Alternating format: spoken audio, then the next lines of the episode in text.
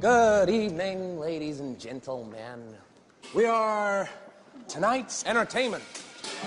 السلام عليكم جميعا عليكم السلام ورحمة الله وبركاته أهلا وسهلا بكم كلكم في بودكاست كلاشنيات أنا مهند كلاش ممثل ليبي وحنكون مقدم للبودكاست What is this? بودكاست كلاشنيات هو عبارة على برنامج حنطرح فيه مواضيع فنية واجتماعية ومرة مرة حيكون فيه معنا ضيف مميز. فيفا لاموري لكن عمر منه ما نعرفش. عمر الكاسح. كلاشنيات حيكون عبارة على حلقة أسبوعيا ونتمنى لكم كلكم استماع طيب. نورين. Okay then, let's do it. السلام عليكم شباب وبنات. كيف حالكم؟ شو اخباركم شنو اموركم إن شاء الله يا رب الكل فيكم بألف صحة وسلامة وبخير ومرحبتين في حلقة جديدة من بودكاست كلاشنيات. حلقة اليوم هي حلقة مميزة جدا وأنا فعلا سعيد جدا بها لأنها أول حلقة حيكون فيها ضيف مميز معي. ضيف حلقة اليوم هو فنان ليبي مبدع معروف ومتألق جدا. فنان اليوم هو بالتحديد ممثل مخرج ومقدم برامج. من مواليد سنة 1986 شهر 10 وطبعا من مدينة طرابلس بالتحديد من سوق الجمعة. وبدأ مسيرته الفنية في سنة 1998 عن طريق المسرح. وهو خريج المعهد العالي لتقنيات الفنون شعبة السيناريو والإخراج. ضيفنا اليوم عرفناه في هلبة أعمال شفناهم. خلي مع بعض نسمعوا بعض اللقطات من الأعمال اللي شارك فيهم ونشوفوا لو عرفتوه أو لا قبل ما نعرف به رسميا لم يكن ذلك بكثير. خمس دقائق ثم عشر دقائق ثم ربع ساعة ثم نصف ساعة. لم أكن أفكر جديا. لم يكن تفكيري عميقا. لم أفكر أبدا بكل كلمة لا بأس. خيرك يا فتحي من اللي ضربك عارك على الماشي يا سيناجي لو شكون تعركت خموس حسان وبراخو تلاقوا عليا الثلاثة هاردينهم أعرف اليوم. أنا من زمان ندور فيهم. استنى يا ناجي. ما فيش لزوم تمشي لهم علاش؟ على خاطر أنا سامحتهم قدام البوليس وقالوا ما عادش عاودوها. سامحتهم وجه ولدك اللي خلوه شوارع وزدق على حساب شكون؟ خلاص يا ناجي ما دام سامح ماش عندك ما تدير. دلة مش باهي يا نجيب.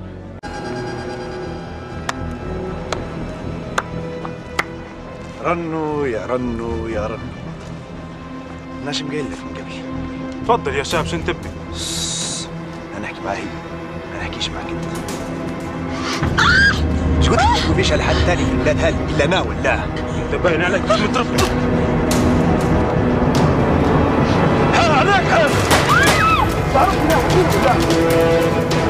تعرفنا ولا لا تعرفني ولا؟ تعرفني لا ولا؟ لا قلت لك لا أنا قلت لك يا حب يا حب يا يا كلاب لا أنا مرة بيكم يا كلاب لا على كسح تو يفريكم معقولة يا مروان تقتل صاحبك؟ معقولة؟ صاحبي مات من لما بدلني بالفلوس قصدك أنت صدقت إني أنا حنبيعك لو ما أعطيتنيش شنطة الفلوس معقولة بنديرها يا مروان؟ أنا مستحيل مستحيل. كلهم يقولوا أوكي لما تقرب منهم الموت. القاتل يقول ما قتلتش والخاني بيقول ما خنبتش والواطي اللي زيك يقول ما كنتش حنبلغ عليك. ضيف حلقة اليوم هو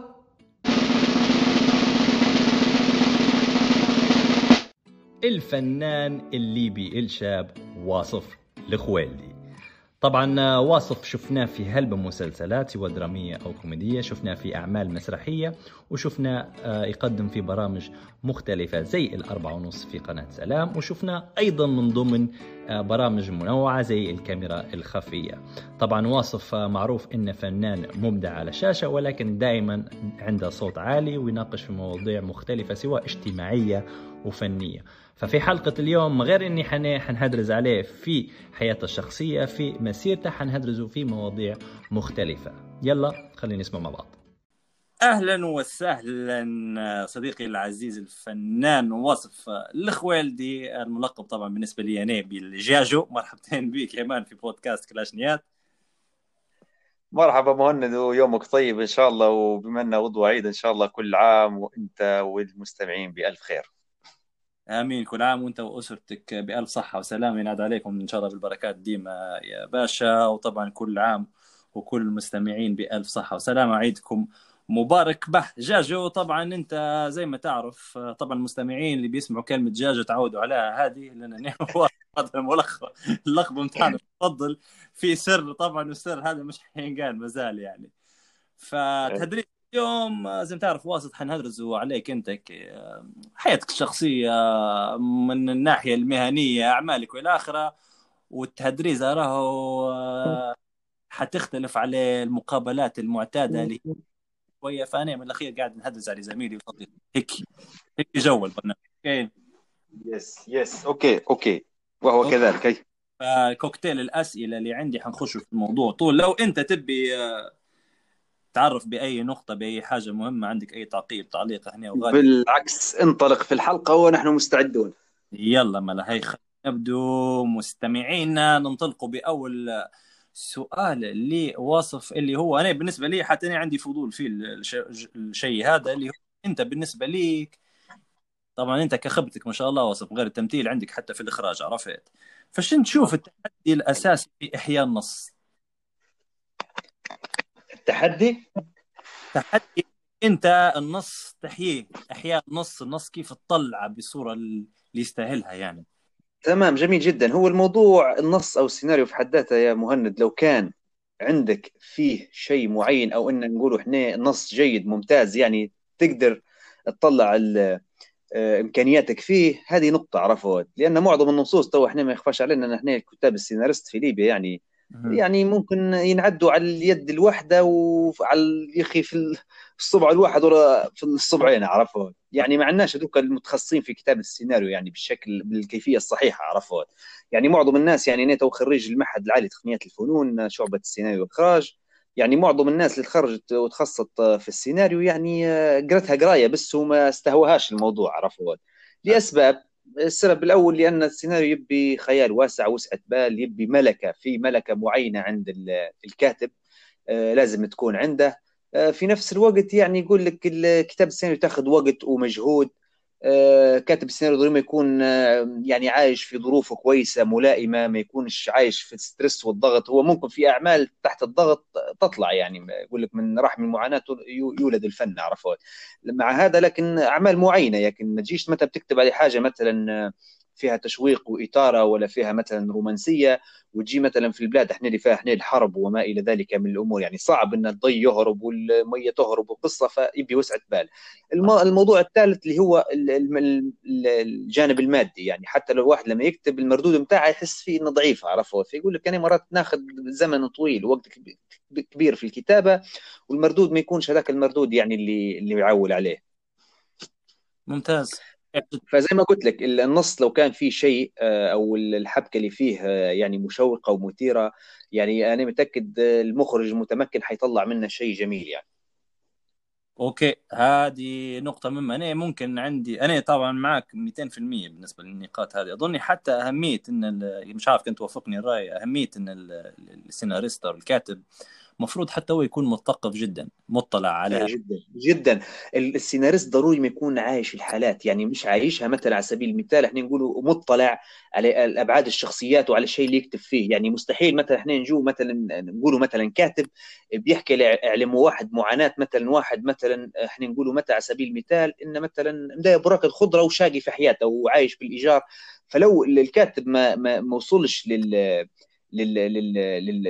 للمستوى هذا أو ما وصلش للحالة هي آه، من ناحية الاطلاع من, من ناحية الاختلاط. ضروري الكاتب ما يقعدش غير الرؤية البصرية يعني يعبي الموضوع غير من المسلسلات والأفلام اللي يشوف فيها لا بالعكس ضروري ما يحتك بالناس يحتك بالطبقة الفقيرة الكادحة بالطبقة المتوسطة فهمت؟ يعني ضروري ما يدرس الجوانب بتاعها. مش حيقدر يكتب على شيء هو ما عندهش به دراية فهمت؟ وهل بيعانوا منه تو الكتاب؟ صحيح. موضوع الكتاب يعانوا من حاجة إنه يكتبوا على شيء هم مش عايشينه أو مش دارسين أبعاده يعني بمجرد إنهم شبحوه من بعيد لبعيد عرفوا؟ الكاتب المتمكن والجيد ضروري ما يعيش حالة كل شخصية يكتبها. صحيح. إحنا نقول يكون عنده مثلا دراية على الحالة الفيزيولوجية فقط يندري على شكله ومنظره بس من الخارج ولكن الحالة النفسية السيكولوجية. بالضبط بالضبط. ضروري يكون متشبع منها الحالة ضروري تكون متشبع من الشخصية اللي يكتب عليها. معناته الكاتب الصحيح ديما يكون آه، متطلع يقرأ في روايات يقرا في مطلع مثقف أكيد إيه. آه، يقرأ في روايات يقرا في صحف يقرأ في أحداث تاريخية يقرأ في آه، قضايا صايرة مثلا في محاكم وقضايا في يعني في الحاجات هي نتاع الناس المسجونة وما إلى ذلك يعني يكون مطلع على كذا خط عرفت؟ لأن لما يجيب يكتب عمل خصوصا عمل درامي في شخصيات مختلفة وكل شخصية عندها توجه أو خط معين ضروري ما يكون ملم بالخط هو. جميل جدا جميل جدا. طيب نخش في تعقيب أخير على الموضوع هذا. طبعا أنا تعرفني فوق صراحة ما اللي على لساني. فسؤالي ليك أنت أنت شكون تشوف كتاب متميزين الفترة هذه مثلا في ليبيا حاليا؟ والله هو ما نقدروش نخصه بالذكر ناس معينه لكن على كل آه، نقدر نقولوا مثلا إحنا مثلا في الجيل اللي اللي قديم مثلا آه، اللي عصرناهم يعني الأستاذ عبد الرحمن حقيق كويس. ما عبد الرحمن حقيق الأستاذ عبد الرحمن حقيق مسلسل العمارة زنقة الريح آخر شيء. يعني أعمال يعني آه، يعني مخلدة في الذاكرة عرفت؟ أيضا من جيل الشباب عندنا سراج هويدي. سراج هويدي كذلك عنده أعمال يعني زي دراغانوف زي روبك زي فوبيا زي ليبيات. يعني أعمال آه، جميلة وأثرت الحركة الدرامية يعني في ليبيا. فزي ما قلت لك ناس معينة. في من في من كتاب يكتبوا في المنوعات وأنا هذا الخط هو بتاع المنوعات. أنا نتمنى يعني حتى في المستقبل القريب يعني السنة الجاية نحاول نبعدوا شوية على موضوع المنوعات. إحنا ضروري ما نحركوا عجلة الدراما اللي هي التراجيديا وهي القصص الواقعية الاجتماعية بعيدا عن التهريج بعيدا عن موضوع يعني الحاجات البهرجة اللي فيها ضحك وخلاص غيره يعني موقف بتاع ربع ساعة وكذا بالعكس إحنا لازم تكون الدراما بتاعنا قوية. أقلها ننافسوا الدول اللي المحيطة بنا أقلها يعني زي تونس والجزائر ديما نشوفوا يا واصف في مئات الأعمال اللي هذه المنوعة الخفيفة كذا حتى راهو هذه نفسها تبي أصلا كتابة قوية. مش أي مثلا لازم حتى هو في حبكة حتى هو لازم يعني نقول. كيف انت فعلا تخلي المشاهد يشبه يشبح الشيء ويحسه ويضحك ويح... يعني يفرح معك مش مجرد غير سكتشات وخلاص عرفت عبي عبي عبي المشكلة أصحاب الشغل يا مهند استسهلوا الموضوع استسهلوا موضوع المنوعات يعني يقول لك في الأخير يعني عشر دقائق لربع ساعة يعني نجي ندير سكتش أو زوز سكتشات ونبيع على القناة نستفيد فلوس. فالموضوع بدأ يشبه الجانب المادي عرفوا؟ ماذا به يوفر ماذا به الفكرة تكون مقننة صغيرة وكذا وما فيهاش شخوص هلبة وما إلى ذلك من الأمور. باش اقلها يستفيد هو في جيبه فهذه النظرية غلط عرفت؟ وهذه استمروا بها من قبل يعني من من من سنين يعني فاتوا يعني فهمت؟ يعني بدوا بالقصة هي نتاع المنوعات أقل صرف وأقل ممثلين باش يوفر في الميزانية. وبالرغم من أن الأعمال اللي نشوفوا فيها مثلا في القنوات مثلا في قنوات معينة تلقى فيها عندها ثلاثة أربع أعمال منوعة تعرض فيها في النص الأول في النص الثاني. يعني لو كان الأعمال هي انجمعت في عمل واحد درامي ونصرف عليه مضبوط القيمة اللي اندارت على الأعمال اللي هي الصغيرة اندارت في عمل واحد مضبوط راه تشوف رده فعل الشارع والناس واقلها تكون عندنا قلت لك صناعة في الدراما قوية النفس بها حتى قلت لك البلدان يعني المجاورة لنا يعني. هذه معناتها إحنا نقولوا يعني نقولوا عندنا عمل واحد في العام متكامل. خير من أربع بالضبط. الأعمال منوعة نطاقها محدود نطاقها محلي. مش مش ممكن حتى تقعد يعني تطلع بها العربيه نعرفه يعني مواضيع السكتشات والحاجات المقننة هي والفوازير الحاجات هي الخفيفة بتاع المنوعات. يعني نطاقها محلي يعني دوب ما تعرضها في رمضان وتنتهي خلاص. يعني بعد ما يتم رمضان ينسوها الناس. لكن عمل درامي عمل درامي يخلد. خصوصا لما تكون قصة مثلا تاريخية أو قصة اجتماعية حساسة تمس المجتمع هذه على قد ما تعرض زي مسلسل العماره أي وقت يعرضوه فيه الناس تراجي فيه. فيقول لك آه، مسلسل العماره إلى الآن تقول مسلسل العماره زبطينا wow شفناه لما داروا له إعادة آه، عرض هنا على قناة سلام. الناس صحيح. قام تتفرج وتقول أول مرة يشوفوا صحيح صحيح صحيح. هذه طبعا ترجع حتى لعقلية المنتجين. المنتج اللي يكون عنده عقلية صحيحة من غير إنه تكون آه، عنده إدراك كيف يسوق للعمل كله حتى هو يكون عنده شغف وحب للفن نوعا ما ويبي يشوف الأعمال تبدأ يعني فيها نوع من محتوى هادف ويذكروها الناس تدير أثر تحرك يعني عرفت؟ صحيح. أتفق معك. آه نتمنى إن إن شاء الله مع السنين القادمة إن شاء الله حتى شفنا سواء أعمال درامية أو منوعة يكونوا يعني إحنا نتمنى ديما المحتوى هادف و... والإنتاج يكون قد المستوى يعني خلاص مش حان الوقت إن إحنا ليبيا فعلا تبان لباقي باقي الدول على الأقل على الصعيد يعني العربي يعني المنطقة كبداية. أتفق معك في هذا أيضا. يلا نخش على السؤال اللي بعده حاجة هيك شخصية أكثر هل في مثلا إحنا طبعا كلنا كممثلين أو فنانين يجونا تعليقات عديدة من الناس من المتابعين هل في هيك تعليق أو حد قال لك كلمة أو لقطة أو حد أثر في أحد أدوارك بدرجة إنه أعطاك تعليق؟ واحد من شخصيات صوتك قطع وجه سؤال من جديد بالله عليك. آه، مثلا هل في توا لتوا أي إيه. موقف تفكر فيه من مشاهد سواء كلمة قالها لك تعليق آه، حاجة قالها لك كيف. واحدة من شخصياتك اللي في المسلسل أثرت فيه. حاجة عرفتك هيك قعدت في بالك من آه، من كلامه هيك أثرت فيك أنت كواصف. والله شوف مهند كل شخصية درتها أنا سواء علاء الكاسح أو مروان في روبك أو ناجي في زنقة الريح. آه، كلها آه، يعني أعطت بصمة معينة والناس آه، يعني اندمجت مع الشخصيات عرفت لدرجة أن علاء الكاسح يحسبوني أنا في طبيعتي هيك عرفت يخشوا يقول لي راهو عيب عليك وحرام عليك. وهيك حياتك الطبيعية وانت أمورك هيك فربطوها على الكاسح بيني بالعكس أنا عكس على الكاسح 360 درجة عرفت في تصرفاته في اسلوبه في كلامه في طريقة حواره مع الناس فهمت؟ يعني الناس يعني في ناس معينة تعليقات يعني خلاص واصف عرفوه إن نشبهوا فيك إحنا على الكاسح يعني حتى لما طلعت في شخصية مروان أو ناجي يشبهوا في على الكاسح عرفت يعني يقول لي ما متوقعناش إن مثلا نحسبوك شخصيتك زي على الكاسح وهل بخشوا قالوا لي قصدي أنت زي على الكاسح ولا مش زيه نقول لهم لا يا جماعة هذا تمثيل وهذا تقمص وهذه شخصية. بعيدة كل البعد على شخصيه واصف يعني. طبعا آه، أنا هيك نشوف فيها للأمانة ما دام الناس فعلا صدقوا إن هذا واصف معناتك أنت أتقنت الدور وعشت الحالة بحذافيرها لدرجة إن الناس لما آه، لما تشبع في علاء الكاسف يحسبوه فعلا هذا في إنسان موجود في- الواقع حيسمع على صحيح. فهي- صحيح. صحيح يربط. وأنا دي هذه نفس الحاجة صارت لي حتى أنا نفس المسلسل درجناه مع مر في هالب الناس أنا عمر كاسه خارج الشاشة. آه، وممكن من التعليقات اللي جتني أنا تفكر فيها على مسلسل درجناه بصفة عامة في تفكر فيها واحدة من المشاهدات قالت لي قاعد تحلف لي قالت لي أقسم بدين الله القصة اللي اللي صايرت لك إيه.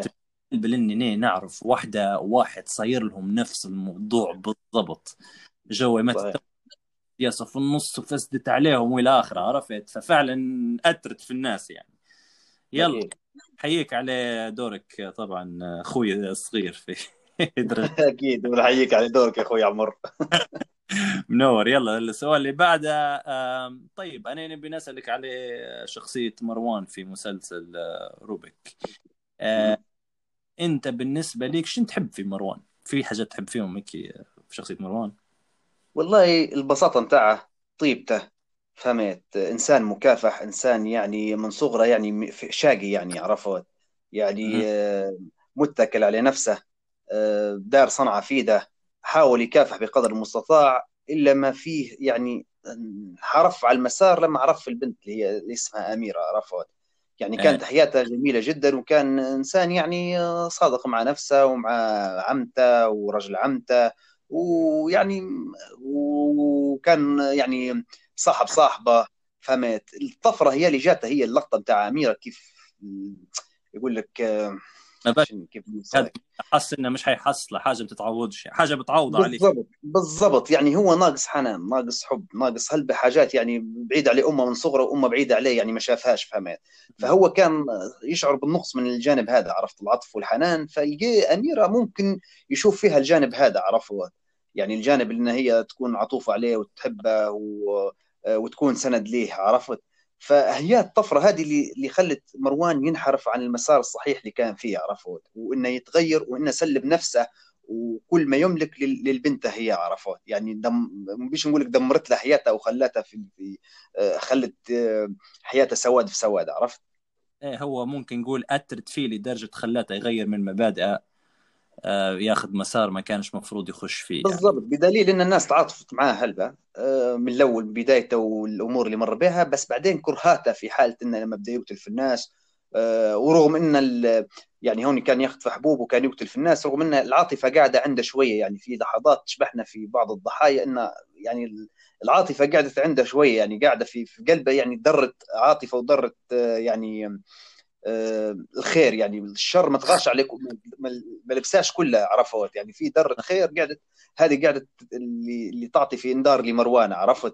بس آه، بكثرة ضغوطات الحياة وبضغط البنت اللي عليه آه، انحرف والناس كرهاته في الفترة دي بتاع إنه بدا يقتل وكذا. بس بعدين في الأخير بكره لما عرفنا قصته وقصة أميرة كيف كانت تخون فيه عرفوه إيه. إنه ضحية عرفوه إنه ضحية وتعاطفوا معاه هلبا الناس لدرجة إنه قالوا له المفروض قتلتها صحيح صحيح. هذا إسقاط مهم جدا. يعني أنت أنت بكري أشرت لي نقطة مهمة. قلت أنت هو كيف ناقص آه، الحنان والعاطفة. وامه هنا فقدها من هو من صغره. وعندك أنت مشهد أصلا يشرح في الشيء. هذا المشهد لما مروان هون اتصل بأميرة في الليل وقعد هون يقول لها متاع اني نبيك ونحبك وعلى خاطرك ندير كل شيء. وأنا من زمان الدنيا حرمتني من أمي والاخره فبجديات يعطيك الصحه يعني كلامك فعلا في محله وواحده من المشاهد يعني ورت الشيء هذا والاسقاط المهم اني نشوف فيه انه كيف مرات يبدأ الشاب أو الإنسان كويس وطيب وقلبه أبيض ولكن الظروف تغير منه لا الظروف الظروف يا مهند رأي صعبة. إن الإنسان لما يمر بمراحل في حياته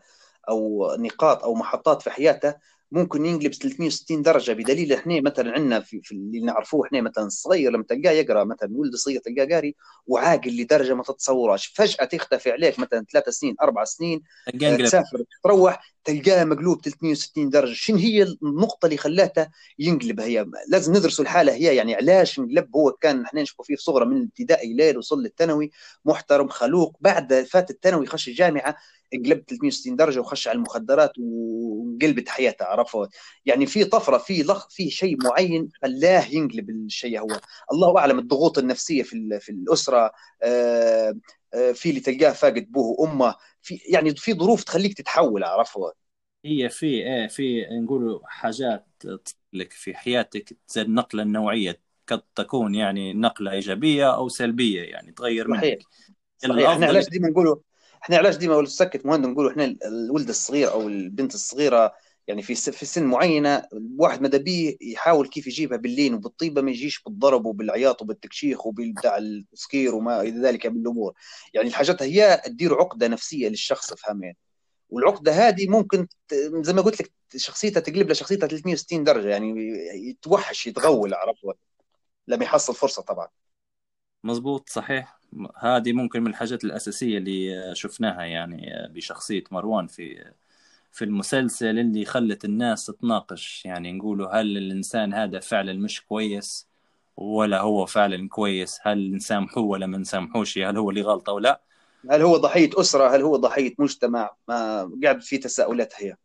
لدرجة إن آخر مشهد في الإعدام قاعدين الناس هل هو مذنب أو غير مذنب؟ يعني الحياة لما تجي تشبه الحياة والظروف اللي مر بها طبعا مشهد ما نحكيلكش أنا طبعا مشهد الإعدام النظرات و- وجو السكوت هذاك وكيف يتقبل متاع في أحد وآخر لحظات أو كيف خلى الروبك محلولة متاع حل كل شيء في الأخير. والله يعطيه الصحة المخرج أسامة رزق آه، اللمسات دارها في في العمل يعني شيء رهيب جدا. أنا في تصوير ذاك المشهد يا مهند بجديات يعني قصدي فترات الصمت حسيت بيهم بال- بالثانية بالثانية لما لما يتصور يعني تحس بال بالظلم وبال يعني ال- الضغوطات اللي مر بيهم مروان قسما بالله بين عيوني. الشخصية هذه بين عيوني في اللقطة هذيك بالذات يعني شيء ما تتصوراش شيء متاع قلت قصدي عشت الحالة لدرجة إني متاع معقولة هذه الدنيا هيك هذه آخرتها يعني.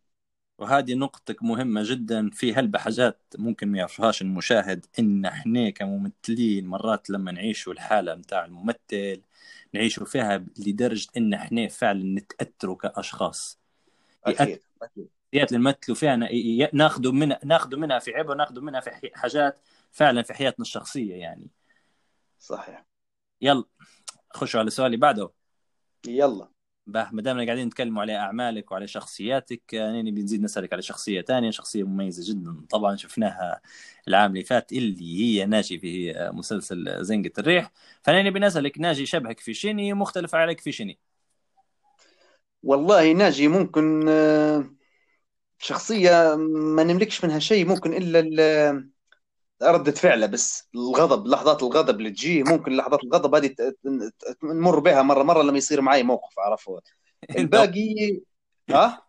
قلت لك أنت وأغلب الليبيين بالضبط. لا لحظات الغضب هي وخصوصا الغضب اللي عليه ظلم يعني لما تشبه لما تصير لي حاجة فيها ظلم لما ننظلم في شيء قصدي ما نقدرش نشد إن نكبت الشيء الداخلي عرفت؟ ضروري ما تكون ردة فعلي قوية ومرات يعني قصدي في اللي يقول لك والله ال- يعني في المواقف في بعض المواقف ما تشد الغضب بتاعك يعني تشد روحك يعني ما ما ماذا بيك ما تديرش ستريس قوي على الشخص الثاني عرفت بس أنا لا بالعكس لما تصير لي موقف أو إني أنا مظلوم آه، رد الصاع مش صاع يعني ردها بخمسه صاع خمسة ساعات تعرفوا فهذه مشكلتي. لكن باقي الناجي ما, ما الشخصية بعيدة عليه وصف هلبة عرفت في طبعة في أسلوبه في تعامله مع مرته تعامله مع ال- الناس وأصحابه في جنبه فهمت؟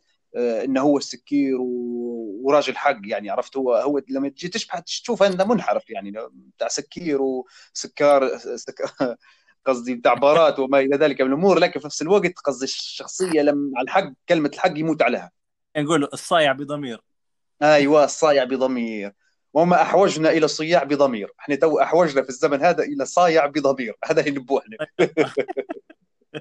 لا اظن أكثر الناس لاحظوا الشيء هذا وعلاش حبوه ناجي رغم إنه راه يدير في هلبة حاجات غلط. مرات إحنا نقولوا رديف زمان عرفت؟ ولكن الناس علاش حبوا لأنه يقول في كلمة الحق ما يسكتش عليها. وراجل تقدر تستند عليه يعطيك ظهره فعلا. هو هو هو ك هو منبلي بالشرب. هو شيء طبيعي مثلا الناس مثلا ما تضامنتش معه أو كرهاته من الجانب هو إنه هو متاع سكير يعني. هو ديما يشرب ومطنطنها ويدوخ في الشوارع ويطايح بس زي ما قلت انت يعني يموت على كلمة الحق. يعني كلمته الحق هيك تلقاها طول على الخط على الصراط المستقيم. قال اللاق بحلاله ولا؟ حرام يا شيخ. صاحب نكتة هو في بعض المواقف اللي بيبدأ شارب هو يكون صاحب نكتة خصوصا مع الشيخ. تمنيت يجي يوقف معي في الدعكة يا رجل مع خموس وحسان. والله لما قريت النص أنا قلت إن شاء الله غير فيه رفس بس يا ريت أنا ذاك في البحر بدل دكوباي الصيادين يا ريت واقف معاهم. يا. هم لاقين تلاقين علي تطلع أنت تصكهم تريح على ثلاثة يهربوا منك والله يا والله يا مهند كل عمل كل عمله أتمنى في كل عمل اني لما نقرأ النص نلقى مشاهد آه، إحنا نقولوا قريبة للأكشن عرفت يعني موضوع الضرب وكذا واحد إحنا هذه الحاجات المفروض نخدموا عليها في الأعمال عرفت يعني ديما نلاحظ إحنا من المعارك والاشتباكات بسيطة جدا طف طف طف فكي وعلى الماشي عرفت لكن في أعمال قصدي تتطلب إن في ضرب وفي كذا باش تعطي اثاره للموضوع عرفت تو المشهد الأول المشهد الأول بتاع ناجي في البار والله قديش ما فرحت به مع إنه مش هذاك الطول يعني لكن اهو نفست فيه على روحي شوية. قصته لقطة جميلة. هو مش مجرد آه، ضربة خفيفة فيها طاولة فيها تكسير مرش فيها حركة تنقيز حد يشد فيك من التالي و... لا صحيح. جميل. حلو.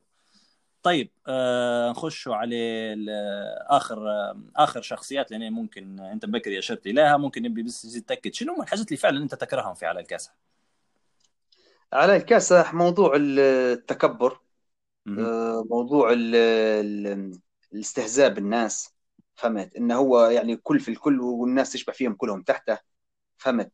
آه الشيء الثاني الاستغلال يستغل في الناس استغلالي بدرجة أولى لمصلحته طبعا. أي حاجة تصب في مصلحته مستعد يستغل أي شخص بدليل إنه هوني لما طلع ناجي من الحبس و... ومهتم لأمر ناجي لأنه كان هوني كان يزور له وكان يدير له في أمور ثانية يعني فهمت؟ آه إنسان انتهازي واحد شيطان أفعى حنش ممكن هذا كان فيه النموذج هذا منا فيه 100 في البلاد راهو البلاد عليها السلام. باختصار. في الوقت هذاك طبعا. في الوقت هذاك مش الوقت هو؟ أصلا عند اللقطة تديك نتاع الخنس تحصل المشهد تو مثلا حلو نتاع ناجي كيف ناجي قاعد يرسم له في اللي يزور له هنا في المكتب. إيه. كيف قاعد يشبه يعطيك الصحة والجو. ذاك نتاع كبر بيه عرفتها؟ صحيح. ما هو بمصلحته تو ناجي شنو يسوى ناجي عنده؟ ما, ما يسوى شيء عنده. حشاك حتالة فهمت؟ لكن لما تكون في مصلحة على الكاس عنده مصلحة في شيء قصدي مستعد يدير أي شيء مستعد يكبر بالشخص اللي قدامه. صحيح. يلا نخش على السؤال اللي بعده اللي هو آه ممكن هذه من السؤال هو ينسال لأي ممثل ديما ولكن أنا نبي شخصيه نساله لك أنت لأني حتى أنا موجه فيه ديما ونبي نعرف أنت شنو هم التحديات اللي تشوفيهم أو أكبر تحديات تشوفيهم لما تبي تجسد شخصية. والله شوف مهند الشخصية لما تبدأ الشخصية لما تبدأ إحنا نقول أنا نقولها كلاسيكية لما تبدأ فيها خط معين واحد هذه نشبع فيها شخصية يعني تبي دراسة بسيطة ما تبيش هذاك المجهود الكبير الجبار إنك أنت بتدرس ال... يعني الخط بتاعها واضح مثلا شرير بتاع مشاكل بتاع مشاكل طيب طيب فهمت كيف؟ ولا مجنون مجنون خبيث خبيث عرفت لكن الشخصيات اللي اللي نواجه في صعوبة أو إني نحب يعني نخش في الصعوبة متاعها الشخصيات المركبة.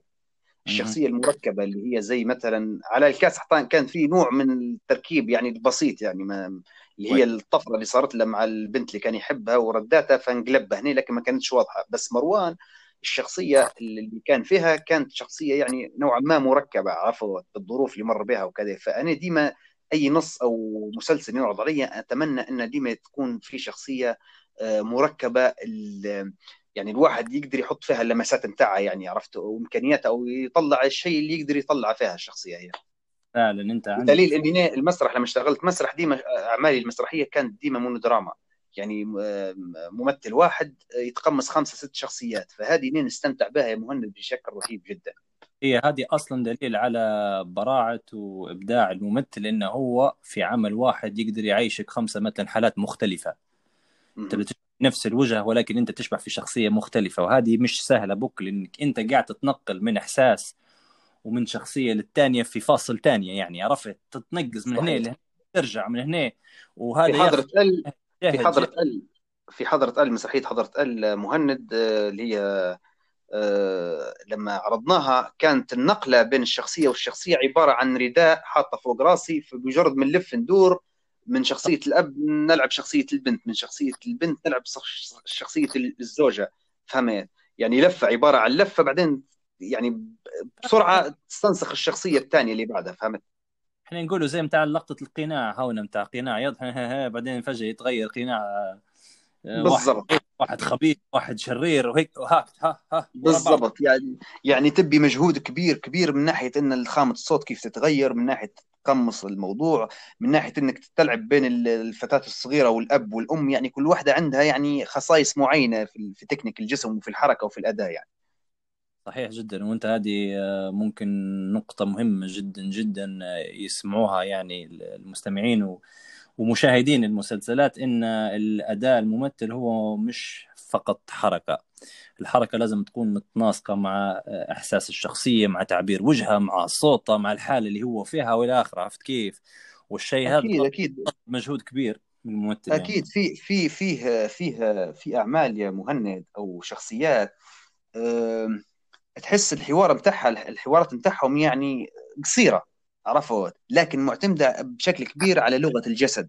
يعني مش شرط الممثل يجي يحط لك مثلا أربع خمسة سطور يبدأ يقول لك آه كده وا وا وأنا بتاع مجرم وأنا مش عارف شنو وأنا نصاب وا وا. حوار طويل. يعني ممكن بلقطات باداء من جسمه آه، إحنا نقول لغة الجسد آه، ويوصل لك المعلومة اللي تبي اللي تبي يوصلها عرفت من غير صداع أو دوه زايدة فهمت؟ يعني بمجرد ما يتحرك جسمه تعرف انت هذا شنو يخ... شنو شنو شنو ابعاد الشخصية بتاعه وشنو يحس وشنو بيدير وشنو ما يديرش عرفت؟ سلام عليك. هي علاش يقول لك حتى من غير جسد العيون العيون تتكلم هون في آه بالضبط طيب بالضبط. يعني مش كل شيء حوار يعني اللغة لغة الصمت هذه بروحها هذه لغة. أصلا في أفلام تشبههم حتى في السينما العالمية في أفلام معتمدة على silent movies يعني أفلام صمت. أوه. يعمل من أول جدا كتابة نظرات وحركة جسد. تفهم الحالة اللي هم فيها غير ما يقول لك ولا كلمة. صحيح صحيح. هذه طبعا آه، بالع... ما زال أصعب 100 مرة من إنك أنت يعني تكون تحافظ حوار وتأدي بيه بحوار. أنت مرات يقول لك آه، لما تتفرج على مسلسل ترى جرب دير mute انت سكر الصوت وتفرج صحيح. ال- ال- الممثلين ال- حركه الجسد بتاعهم وتعبير وجههم. شوف روحك تفهم الحالة اللي هم فيها من غير كلام أو لا. يا مهند القراءة البصرية القراءة البصرية للمسلسلات والأفلام لا تكفي لصناعة ممثل. يعني الواحد لو اعتمد مثلا إحنا نقولوا على المسلسلات والأفلام والمسرحيات إنه هو يكون متفرج وبعينه يعني يعبي الشخصية يعني يشوف مثلا شخصية الشحات أو شخصية المجرم أو شخصية الإنسان الطيب أو الفقير يعني بالتع... بالعين بس بالعين المجردة مش حتتشبع منها الشخصية. ضروري ما تعيش الأبعاد الشخصية بتاع الشخصية وتبحث عن الشخصية نفسها.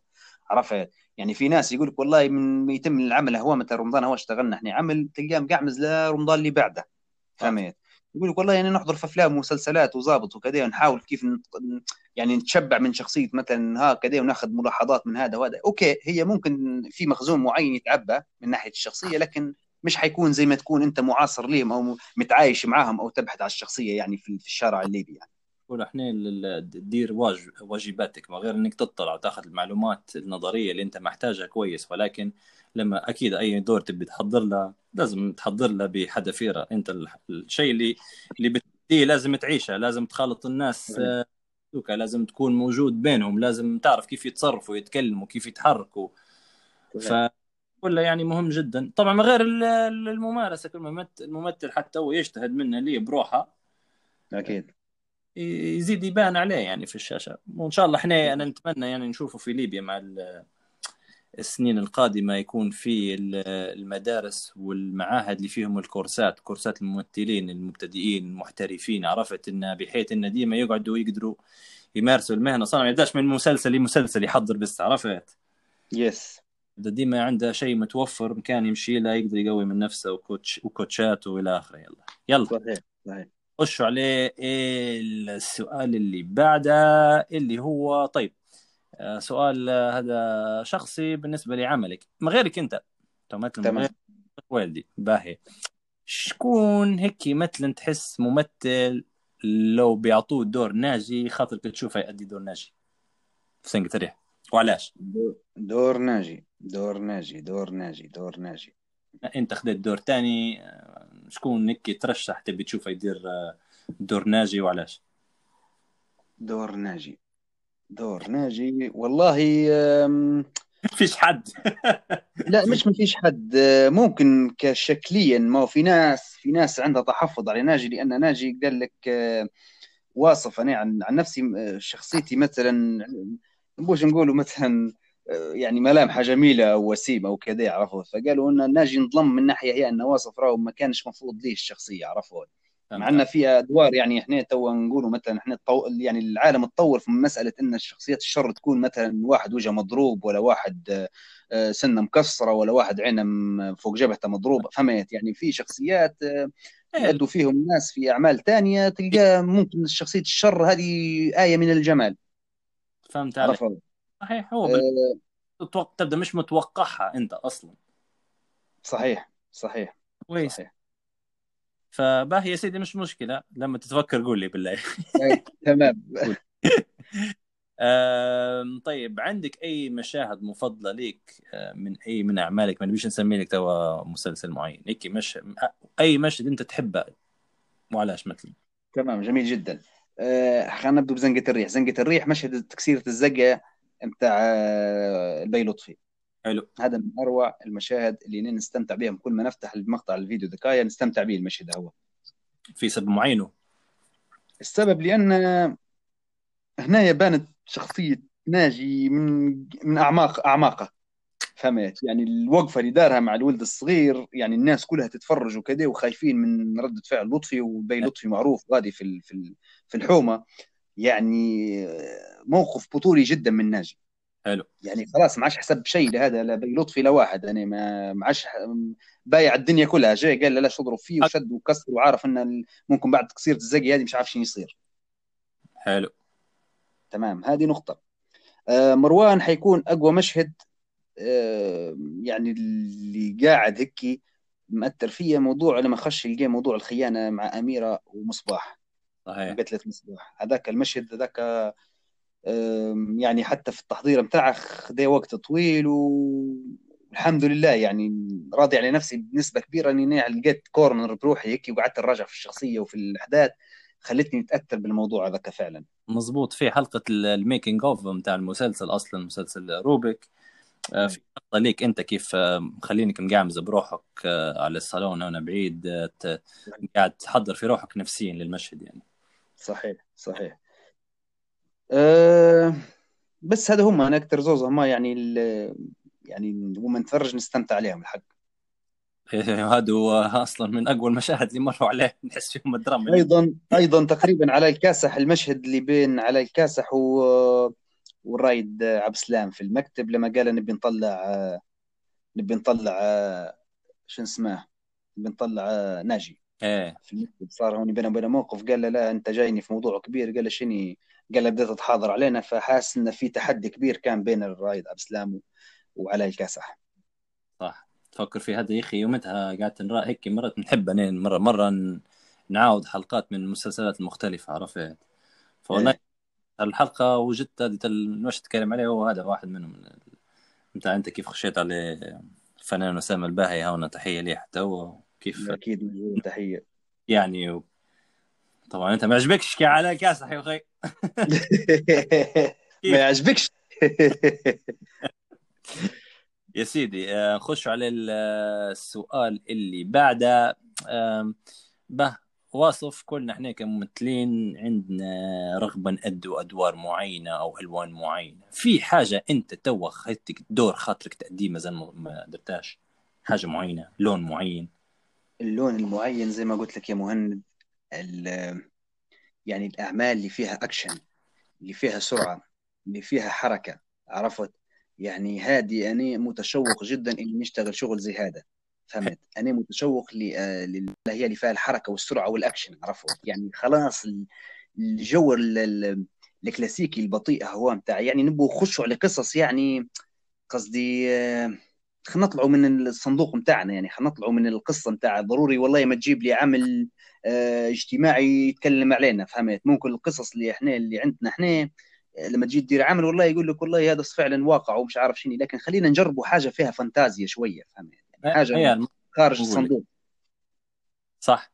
آه، إحنا نقولوا الأكشن والحاجات اللي مرات حتى لازم أنت تكون جاهز ليه جسديا أصلا مش تأدي. بالضبط. وفي نفس آه. الوقت أنا متأكد متأكد متأكد جدا لو في عمل زي توا ونخدم صح يا مهند حتشوف ردة فعل الشارع وحتشوف إن في إقبال كبير عليه.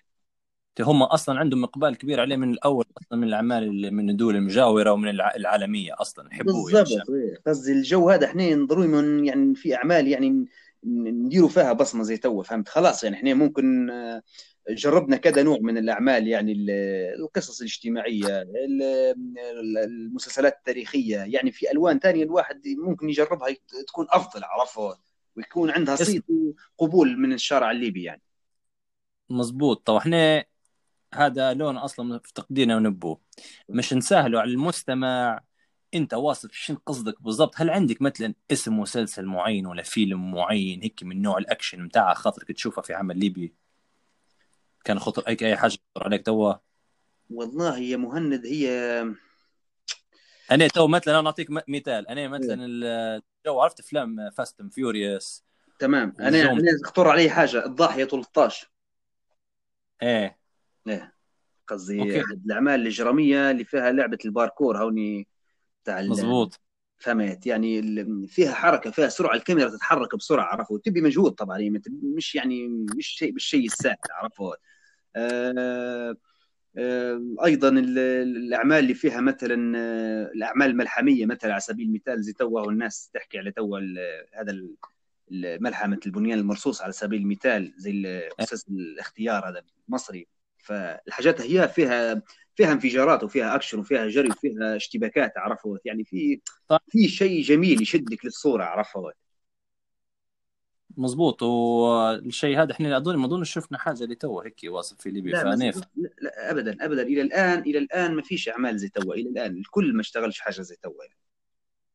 يا راجل في فيلم أجنبي أنا نحبه من الأخير فوق الأكشن اللي فيه أقسم بدين الله شيء رهيب. ترى قول شكون شنو هو. هو شخصية أظن مف... الكل المفروض يعرفوه. جون ويك ظابطه جون ويك. إيه إيه إيه. عرفت الجو الأكشن بتاع جون ويك هذاك؟ هلبة هذاك. والدنيا وكيف عرفت جو لقطات الرصاص طق طق طق طق في مكان هيك ويتشقلب وينود والسيارة والدنيا تعرف مش عادي. صحيح صحيح. نتمنى والله نتمنى يكون هيك نوصلوا لمستوى في المستقبل إن إحنا هيك كفنانين. كممثلين. والله نجربوا هند علاش لا؟ والله التجربه لا ضرر في التجربة. يقول لك ديما التجربه. كويسة. راه يدربوا هم راه غير يجهزوا للشخصيه بالعام مرات. فعلا تلقاه. عام. عنده أنا شفت ما ديما الفيلم يعجبني ديما نرجع نشوف آه، خلف الكواليس كيف يحضر ممثل. ج... هذا كيانو ريفز كان عنده جو واحد من الجيش الأمريكي يدرب فيه على شد السلاح واللقطات والحركة كيف تخش وحركة. الجسم. وواحد عنده مدرب نتاع جو هذه مش كاراتي هي في آه، رياضة ثانية أكيد أكيد أكيد أيوه. فكيف يدرب ويضرب بها وكلها ومع طبعا المدربين الخاصين لحركه المشاهد نتاعها تحضير تحضير تحضير يبي هلبة يبي جهد مجهود. في التحضير وفي التصوير.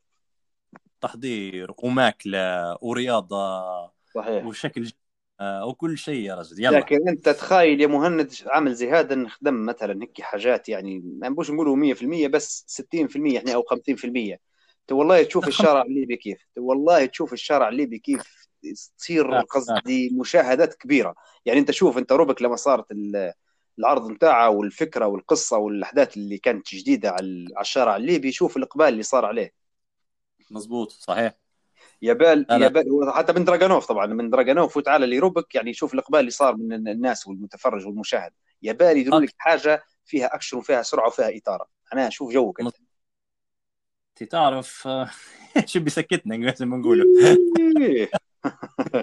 أصلا أكثر المشاهد اللي ديما يتكلموا عليها كان المشاهدين تفكر فيها هلبة المسلسلات ديما راه المشاهد اللي فيها الأكشن هنا دراجنوف أي مش فيها هنا على كاسح يمشي يضرب في واحد تعجبهم. عمر هد هنا ينقد فيها منى فصل السلاح والجو ذاك عجبهم. عندك زنقة ريح حاولنا حتى تصوروا ردة فعل الجمهور واحدة من المشاهد بتاع لما ناجي الزقية والتقصيرة وكل شيء فبالعكس يحبوه. صح مزبوط. يلا خشوا عليه السؤال اللي بعده طيب آه، واصف إحنا نعرفوا إن آه، كممثل واحدة من الأشياء اللي تقدر تقوي من المشهد من غير إنك أنت جاهز وحاضر يس. زميلك اللي في أو زملائك اللي في المشهد يبدو جاهزين وحاضرين فشنو هو اللي يخلي الشريك المشهد جيد؟ شنو هو شريك يعني المشهد الجيد؟ شنو الصفات الحاجات اللي تمام. تخليه يكون محضر شخصيته كويس يكون حافظ كويس يكون متجهز لأبعاد الشخصية فهمت؟ ما يبداش مثلا آه، واخدها ريت الممثل اللي, اللي اللي يقابلك في المشهد. لما يكون هو إيه. مستهتر واخذ الموضوع من غير جدية أو إنه هو هو هو عبارة عن تمثيل ومسلسل وكذا صدقني المشهد حيصير فيه آه، انحدار. عرفوا؟ انحدار انحدار زاوية حادة فهمت؟ مزبوط جدا صحيح. فهمت؟ لكن لما يبدأ هو فيه تيك تاك يعني باصوا لبعضهم في المشاهد ويكونوا يعني- يكونوا عارفين المفاتيح متاعهم فهمت. وواحد يقيم الثاني هنا يطلع قوة المشهد عرفت؟ لكن لما واحد يبدأ حافظ ومحضر شخصيته والثاني جاي آه، مش راقد كويس أو صاهر أو إنه هو كان مش عارف وين كان يدور وجاي للمشهد وجه مقلوب فقصدي شيل الحاجات اللي بيعطيها لك فهمت؟ لأن هي عبارة زي ملعبيه الكورة كان ما بسطتليش مليح الكورة حتطلع برا يا حياخذها حد ثاني عرفت؟ مزبوط جدا هي من أساسيات إنك أنت لما بتأدي أي شخصية مفروض أي حاجة تعرقل آه، تحضيرك للمشهد أو تجسيدك ل تجسيدك لل- للمشاعر الأشياء اللي بتصير في المشهد هذاك المفروض تفصل روحك على الباقي صحيح. لدرجة يا مهند إحنا لدرجة إن شو نصير معنا إحنا لما نعرفوا ان معنا شخصية ثانية في العمل إحنا نمشي ندوروا الشخصية هذه ونقعمزوا معاها ونبدوا نجهز ونحضروا معاها في الحفظ وفي. هذا كله خوف إن المشهد مثلا يطلع ضعيف أو إن حد آه، يكون آه، يكون واحد أقوى من الثاني عرفت؟ فديما إحنا نلاحظ إحنا نحرصوا على الموضوع هو حتى لما نكونوا في الإقامة وفي الفندق أثناء التصوير يعني ديما قبل المشهد بيوم نمشوا نحضروا ونحفظوا ونديروا في الأداء يعني بتاع الشخصيات عرفوا مزبوط جدا وهذه حاجة مهمة هلبة لأن أصلا آه، حاجة تانية ممكن ما يعرفوهاش المشاهدين مرات لما زميلك في المشهد يبدأ مش محضر كويس أنت تدير في مجهود دبل بأن المستوى متاعك ما يطيحش. صحيح. ودير مجهود إنك من غير أن المستوى متاعك ما يطيحش تبي تبصيلة تعطيه مش تقيم من المستوى متاعه. فمجهود صحيح. مش فردي هو بس مرات أنت مجهود جماعي أنت تساعد حتى في اللي معاك مش تقدر تأدوا مع بعضكم. صحيح. مزبوط مزبوط يلا آه نخشوا على السؤال اللي بعده. آه هذا سؤال غريب شوية. لو كان أنت لو كان بإمكانك نقول إحنا إنك تأدي أي شخصية تانية في أي من المسلسلات اللي اشتغلت فيها تمام؟ تمام. يعني مسلسل أنت اوريدي عندك فيه شخصية لكن واحدة من الشخصيات الثانية اللي عجبوك وقلت إنك واصف والله ماذا بيا آه كان يخيروني مرة مره ثانية خاطر نجرب الدور هذا. تمام. أعطيني اسم المسلسل متى من اللي اشتغلناهم ترى نبدو في آه، دراجنوف باقي نقول عمره. دراجانوف آه يعني دراجانوف آه حتكون آه ما نعرفش لكن آه شخصية الرائد عبد السلام. okay بتاع. أسامة الباهي آه، فيها شغل كبير كان. الشخصية كان فيها شغل كبير وفيها تحدي كبير يعني. من الشخصيات اللي أتمنى إني نعمل يعني نشتغل حاجة زي توا يعني حاجة لها علاقة بالشرطة وغير ذلك. ممتاز جدا حلو. طبعا أنا بالفرصة هذه يعني كلمة حق في أسامة كأول عمل درامي لي ودار الشخصية هذيك فعلا فعلا آه، مش شيء سهل. لابساتها لابساتها لابساتها و حبات الشخصية حباتها. إمكانيات حباتها. أيوه حباتها. العوائل اللي تفكر فيها لما يتفرجوا يقولوا لي هذا وين كان شاب وين دار؟ والله هذا وكذلك وكذلك خاطي شخصية الرائد عبد السلام شخصية عبادي. شخصية خطيرة جدا. عبادي نادر لولبي آه. سلام. شخصية هذيك فيها ما ينقال كذلك. سلسلة. إيه آه أوكي. عندك أي شخصية تانية في أي أعمال تانية؟ ونخش على سؤالي بعد. آه، الشخصية الثانية اللي هي في روبك اللي هو كان دوري الرئيسي اللي قبل هوني كان شخصيتك أنت مروان. آه، دور إيه. ايمن دور ايمن حتى هو من الأدوار اللي دار أيوب القيب آه، وأبدع فيه. فكان من الشخصيات الجميلة اللي نحب نلعبها الشخصية هذه. طبعا آه، بالنسبة لدور أيمن حتى هو فصل من الحاجات المهمة اللي أنت أشرت إليهم بكري النقلة النقلة. التغيير في بالضبط صح. الصدمة اللي صارت له الصدمة اللي صارت له. مزبوط وكيف تغير. صحيح. آه حتى أخوه هنا كيف آه بعد ما هنا شبه ولا مقعد قاعد متابع يحاول يحضر عرفت؟ على السراكة هي والطريقة هي ما صحيح. صحيح. يا سيدي. أوكي نخش عليه. السؤال اللي بعده. إذا لو أنت بتحول حياتك لفيلم يا واصف أنت كواصف الخويلدي إيه. ديروا فيلم عليه حياتك كويس. شكون تختار ممثل يجسد وصف؟ نتكلم ورا ممثلين العالم كله فمش ليبيا بس يعني عرفت؟ أي ممثل خلينا في النطاق المحلي يا أستاذ. أبدأ لي بالمحلي وبعدين برا لي في والله آه، أقرب شخص حيكون أيوب القيب. كويس حلو. أيوب القيب أقرب شخص. آه، العالمي ما ما نعرفش والله بالضبط يعني في في العمر متاعي يعني في الطور متاعي يعني. يا سيدي؟ خلي هذه بس هذاك شو اسمه اللي في في المتحولون شو اسمه الولد اللي يمثل فيه ال Transform Transformers. آه okay شايا لابوف أيوه. مزبوط هذاك حلو. خطير. هذاك خطير. ترى بالذات الفيلم. عرفت الفيلم هذاك بتاع اللي هو هوني حابسينه في الواحد مركبين له في رجله إيه الجهاز يطلع. أيوه. ابداع هو ما هو دار زي ما تقول في سنة دار شغب فالشرطة بيحطوش في السجن. يس إيه يقول له هاوس أرست سجن في البيت. ممنوع أيوة. عليك تطلع.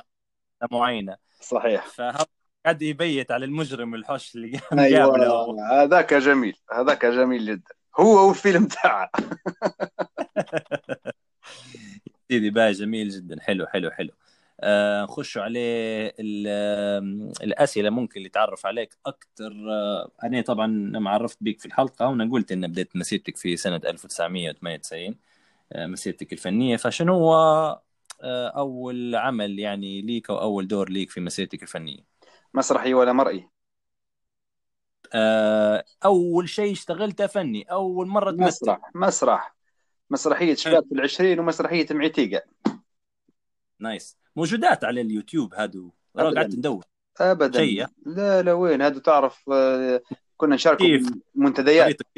تظاهرت المنتديات يعني النوادي الصيفية عرفت؟ كانوا يديروا لنا في زي المهرجان كل سنة. نمشوا مثلا بطنان سبها نالوت.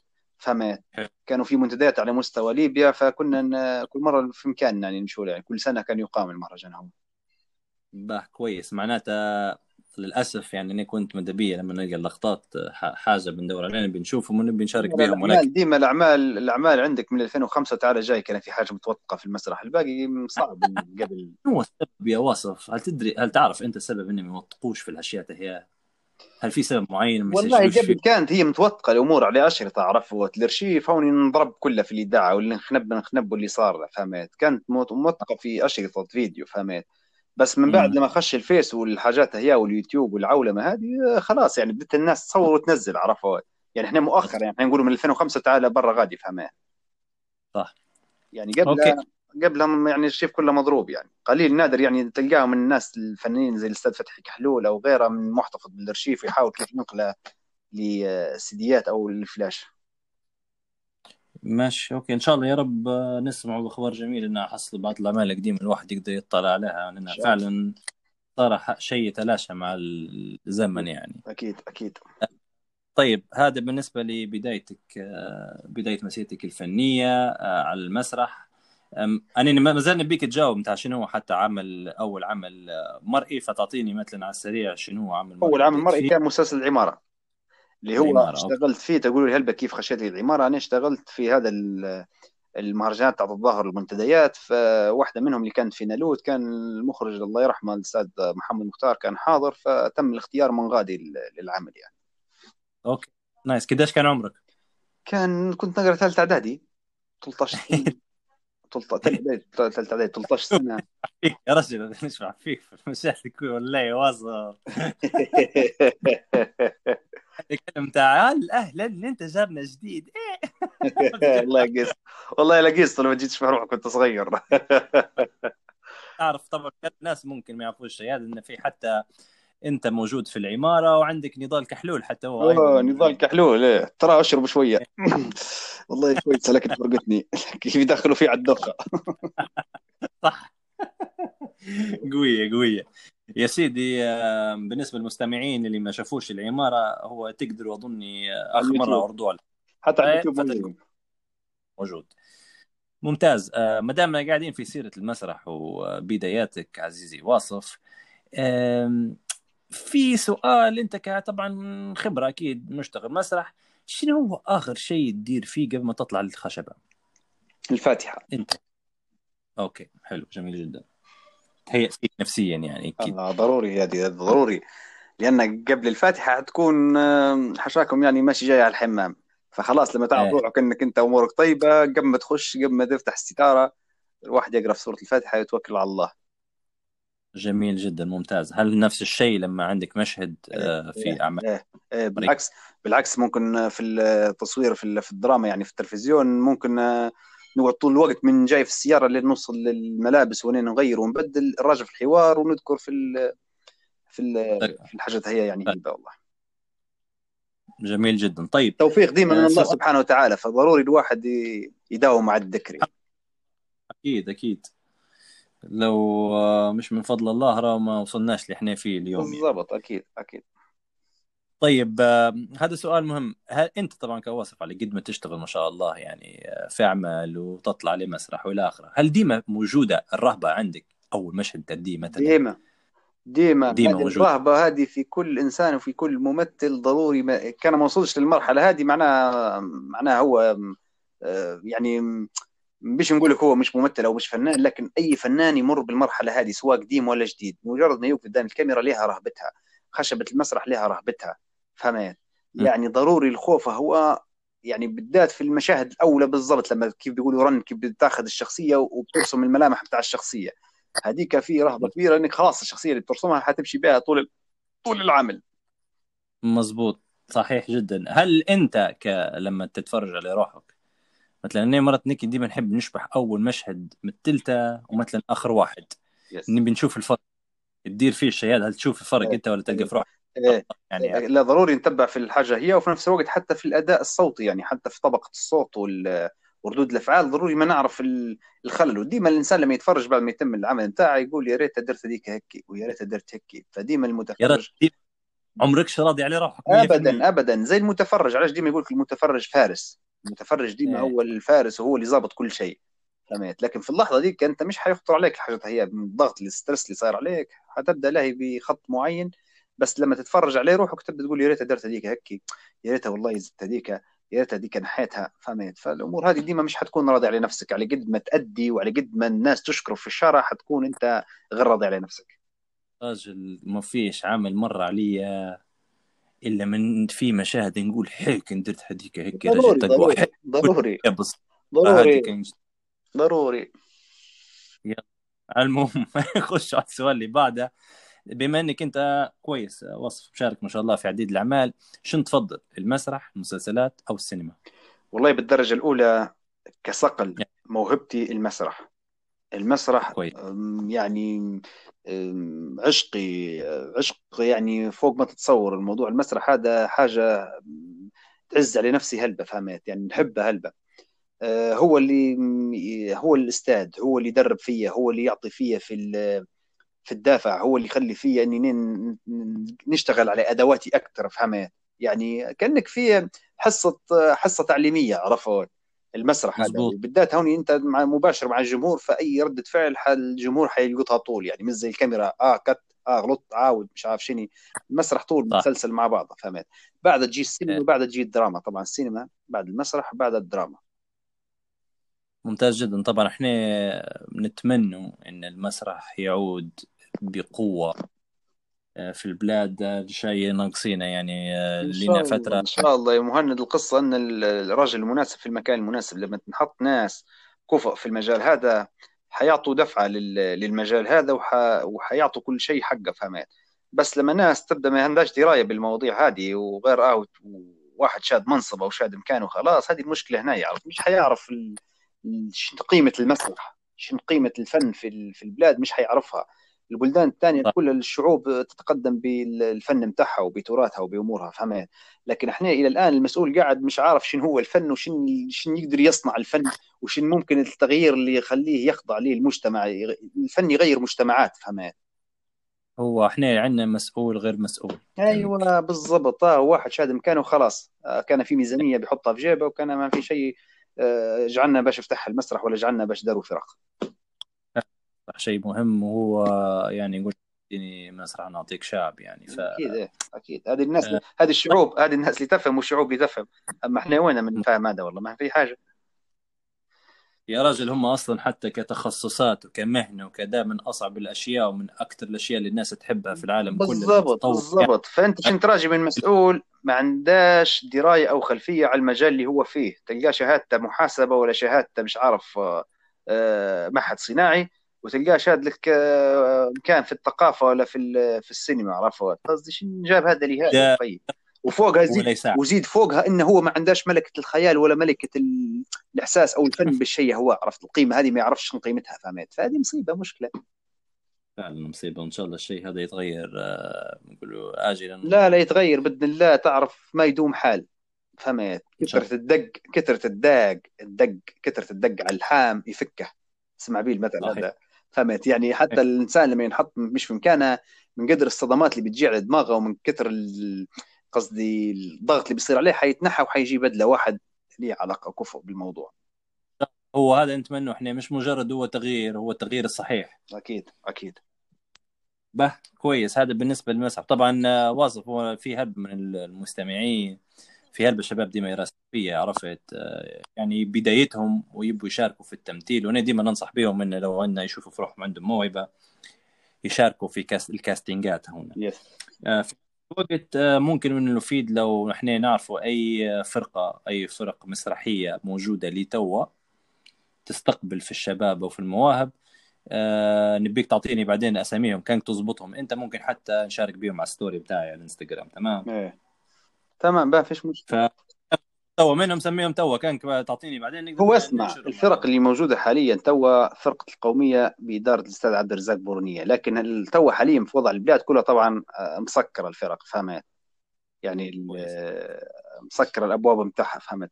بس آه، ديما أي حد حتى يخش علي اللي بيقول لي نبي التمثيل وكذا خصوصا كان في الجيل الصغير أو الشباب ديما انت انت رغبتك التمثيل ورغبتك المجال هذا حاول انك تمشي التخصص هذا تقرأ المجال هذا في المعهد العالي لتقنيات الفنون زي الدهماني وفي كلية الفنون يعني في جامعة طرابلس. كويس. فهمت؟ يعني حاول انك انت تبحث غادي وهم حيدلوك انت لما تمشي غادي وتسأل هم حيدلوك على ال- الشيء يعني. حلو. طيب شنو الطريق بالنسبة للشباب اللي نقول مثلا already واحد متخصص شيء تاني ويبي لكن في نفس الوقت هيك يحس في روحه عنده شيء ويبي يخش طريق ال- الفن أو التمثيل. عليه عليه وانه يكون متابع فهمت لشخصيات مثلا إحنا نقولوا أو ممثلين أو فنانين وفي نفس الوقت أي casting طول يجرب حظه فيه. يعني حاول لما تجي فرصة ال casting يمشي ما يقولش لا والله ممكن أنا نمشي ما يصيرش مني أو إن أنا بعيد أو إن ما نعرفش. فديما حاول لما تسمع موضوع إنه في casting ديما يصير فيه إعلانات على الفيس ومرات إعلان حتى على القنوات. فهمت؟ يعني لما يصير في casting حاول إنك تبادر وتمشي ولعل وعسى يعني من هذيك تبدأ الانطلاقة بتاعك. إن شاء الله. وهذه بالنسبة آه أنا مثلا أنا شخصيا واحد من الناس اللي انطلاقتي كانت من casting بالضبط إيه. ونشبح فيك حتى أنا مهند. لما يصير في casting تاخذ في الصفحة بتاعك وزي ما أنا ناخذ في الصفحة وننزل. يا جماعة راهو في casting المشكلة بعد ما يتم ال casting هذا يقول لك والله نبو casting يا أخي نزلنا. واعلن واعلنوا انه في casting معناها أنت حاول إنك تجتهد شوية يعني عرفت؟ إيه والاجتهاد هذا مهم. هو في حتى هلبة شباب يمشوا ويجربوا ديما بعدين يرجعوا. مثلا يستفسروا مني يقولوا لي مهند مشينا ودرنا وما كلمنا حد وش ما اختاروناش والى آخره. فديما ننصح فيهم إنه مرات ما اختاركش توا يختارك في عمل تاني. صحيح. مرات ال database عنده يعني أي مخرج يقول okay بيشوف فيك. وقت ما تستسلم زيد طور من نفسك زيد اطلع زيد ادرس. زيد أقرأ زيد امشي شوف الناس المختصة زيد دور عليه فرقة صحيح يديروا إن شاء الله حتى صحيح. اسمع هو الواحد هو الإنسان ديما مش من أول تجربة يقول أنا فشلت فهمت ممكن التجربة اللي مريت بها توا ممكن المخرج ما يلقالكش الشخصيه بس آه، في عمل ثاني في casting ثاني حيكون تكون عندك شخصية عرفت؟ يعني اليأس هذا ما تخليش يسيطر عليك اليأس. مظبوط جدا صحيح. آه، آه، ممكن من الأمثلة العالمية في ممثلين وممثلات معروفين جدا. واحدة منهم اسمها ميرل ستريب. هذه ممكن من أعظم الممثلات تو في أمريكا. حايزة على عديد الأوسكار أوسكارات. أه تحكي في قصتها. مرة قالت أنا زمان أول ما مشيت كان في كاستنجات شاركت فيهم حتى من رد اللجنة كان قاسي عليها. يس تعجو أنت ما عندكش موهبة وشكلك كراهو مش مهيئ للتلفزيون وللسينما أبدا والجو هذاك ف واحدة من هيك الجوائز قاعد توجه في الكلمة قالت هذه للإنسان اللي كذا كذا كذا عرفت؟ شوف عمركم تستسلموا. ورا مرات في كم من فشل كم هي الفشل هو خطوة للنجاح يعني. أكيد أكيد. أنا عن نفسي مهند أنا عن نفسي أنا عن نفسي عن تجربة مريت بها. أنا ما لقيتش روحي طول في أدوار بطولة أو شخصيات رئيسية. أنا بديت من الصفر من حاجة اسمها كومبارس من حاجة اسمها ما عنديش ولا كلمة عبارة عن إني واقف مجاميع شاد لافته أو إني خاطم خطوب من هيك أو إني شاد شيء وخاطم به. هذه وفي هلبة أعمال من ضمنهم ليبيات. ليبيات خير دليل. أي حد يفتح ليبيات يركز شوية في المجاميع وفي الكومبارس يلقاني واقف. المواسم الأولى عرفوت. يعني الموضوع صار بالتدرج. ما لقيتش روحي طول في شخصية رئيسية وموضوع زي هو. وهذا مش عيب. في اللي يلقى روحه في شخصية رئيسية. زي مثلا أنت لما درت كاست لقيت روح في شخصية عمر. فهمت. يعني هذا أنت الحظ جاي معك إحنا نقول الزهر جاي معك لا الحمد لله. أنا نعتبر في روحي من الممثلين بالعكس لي جيت في وقت وفي زمن الجو تغير شوي يعطيه فرصة أكثر من بالضبط. أنت كان جيت قبل 2011 مستحيل. ولا صعب تفكر صعب. ولا تفكر تاكل خبزة معاهم نهائيا. صعب. لا مزبوط. فهمت. لكن أنت جيت وهذا الظروف اللي جابتك جابتك في وقت جميل جدا وحصلت فرصة وقلت منها وحاولت إنك تثبت جدارتك وانطلقت منها. فهمت. بس إحنا قسما بالله ولا قبل والله يا ما خدمنا كومبارس ويا ما نمشي على رجلينا ويا ما قصدي حتى المبالغ لا لا انت المبالغ اللي ناخذه فيها تتحشم تقولها. صح صح. لا أنت يا واصف آه، معروف من الممثلين اللي اجتهدوا من البدايات من الصور مش إنهم وصلوا اللي هم واصلين لليوم يعني. فنهني الشيء هذا. وطبعا حتى هي ممكن فرصة ان نشكر الأستاذ أسامة رزق ممكن هو اللي دار النقلة هذه.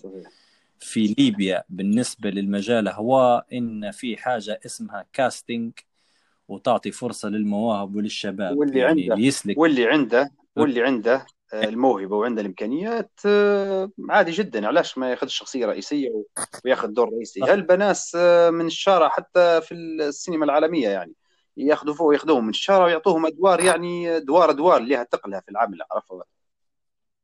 هذا هذه هي ممكن تنحسب إن طبعا الناس اللي دارسة المجال هذا زي حضرتك طبعا واللي تعبوا كلها أكيد ليهم طبعا الأولوية لأن هم بجدارة لا بالعكس يعني والله مهند بالعكس والله ما قصة أولوية واحد بالعكس الإنسان المخرج لما يشوف في شخص معين إنه قادر يؤدي شخصية بالعكس فهمت تعطيه فرصة ما فيش مشكلة فهمت أعطيه فرصته والأعمال فيه هلبة وفي تو- تقولون مثلا يخشوا لي يقول لك والله علاش ما اشتغلتش في الزعيمان؟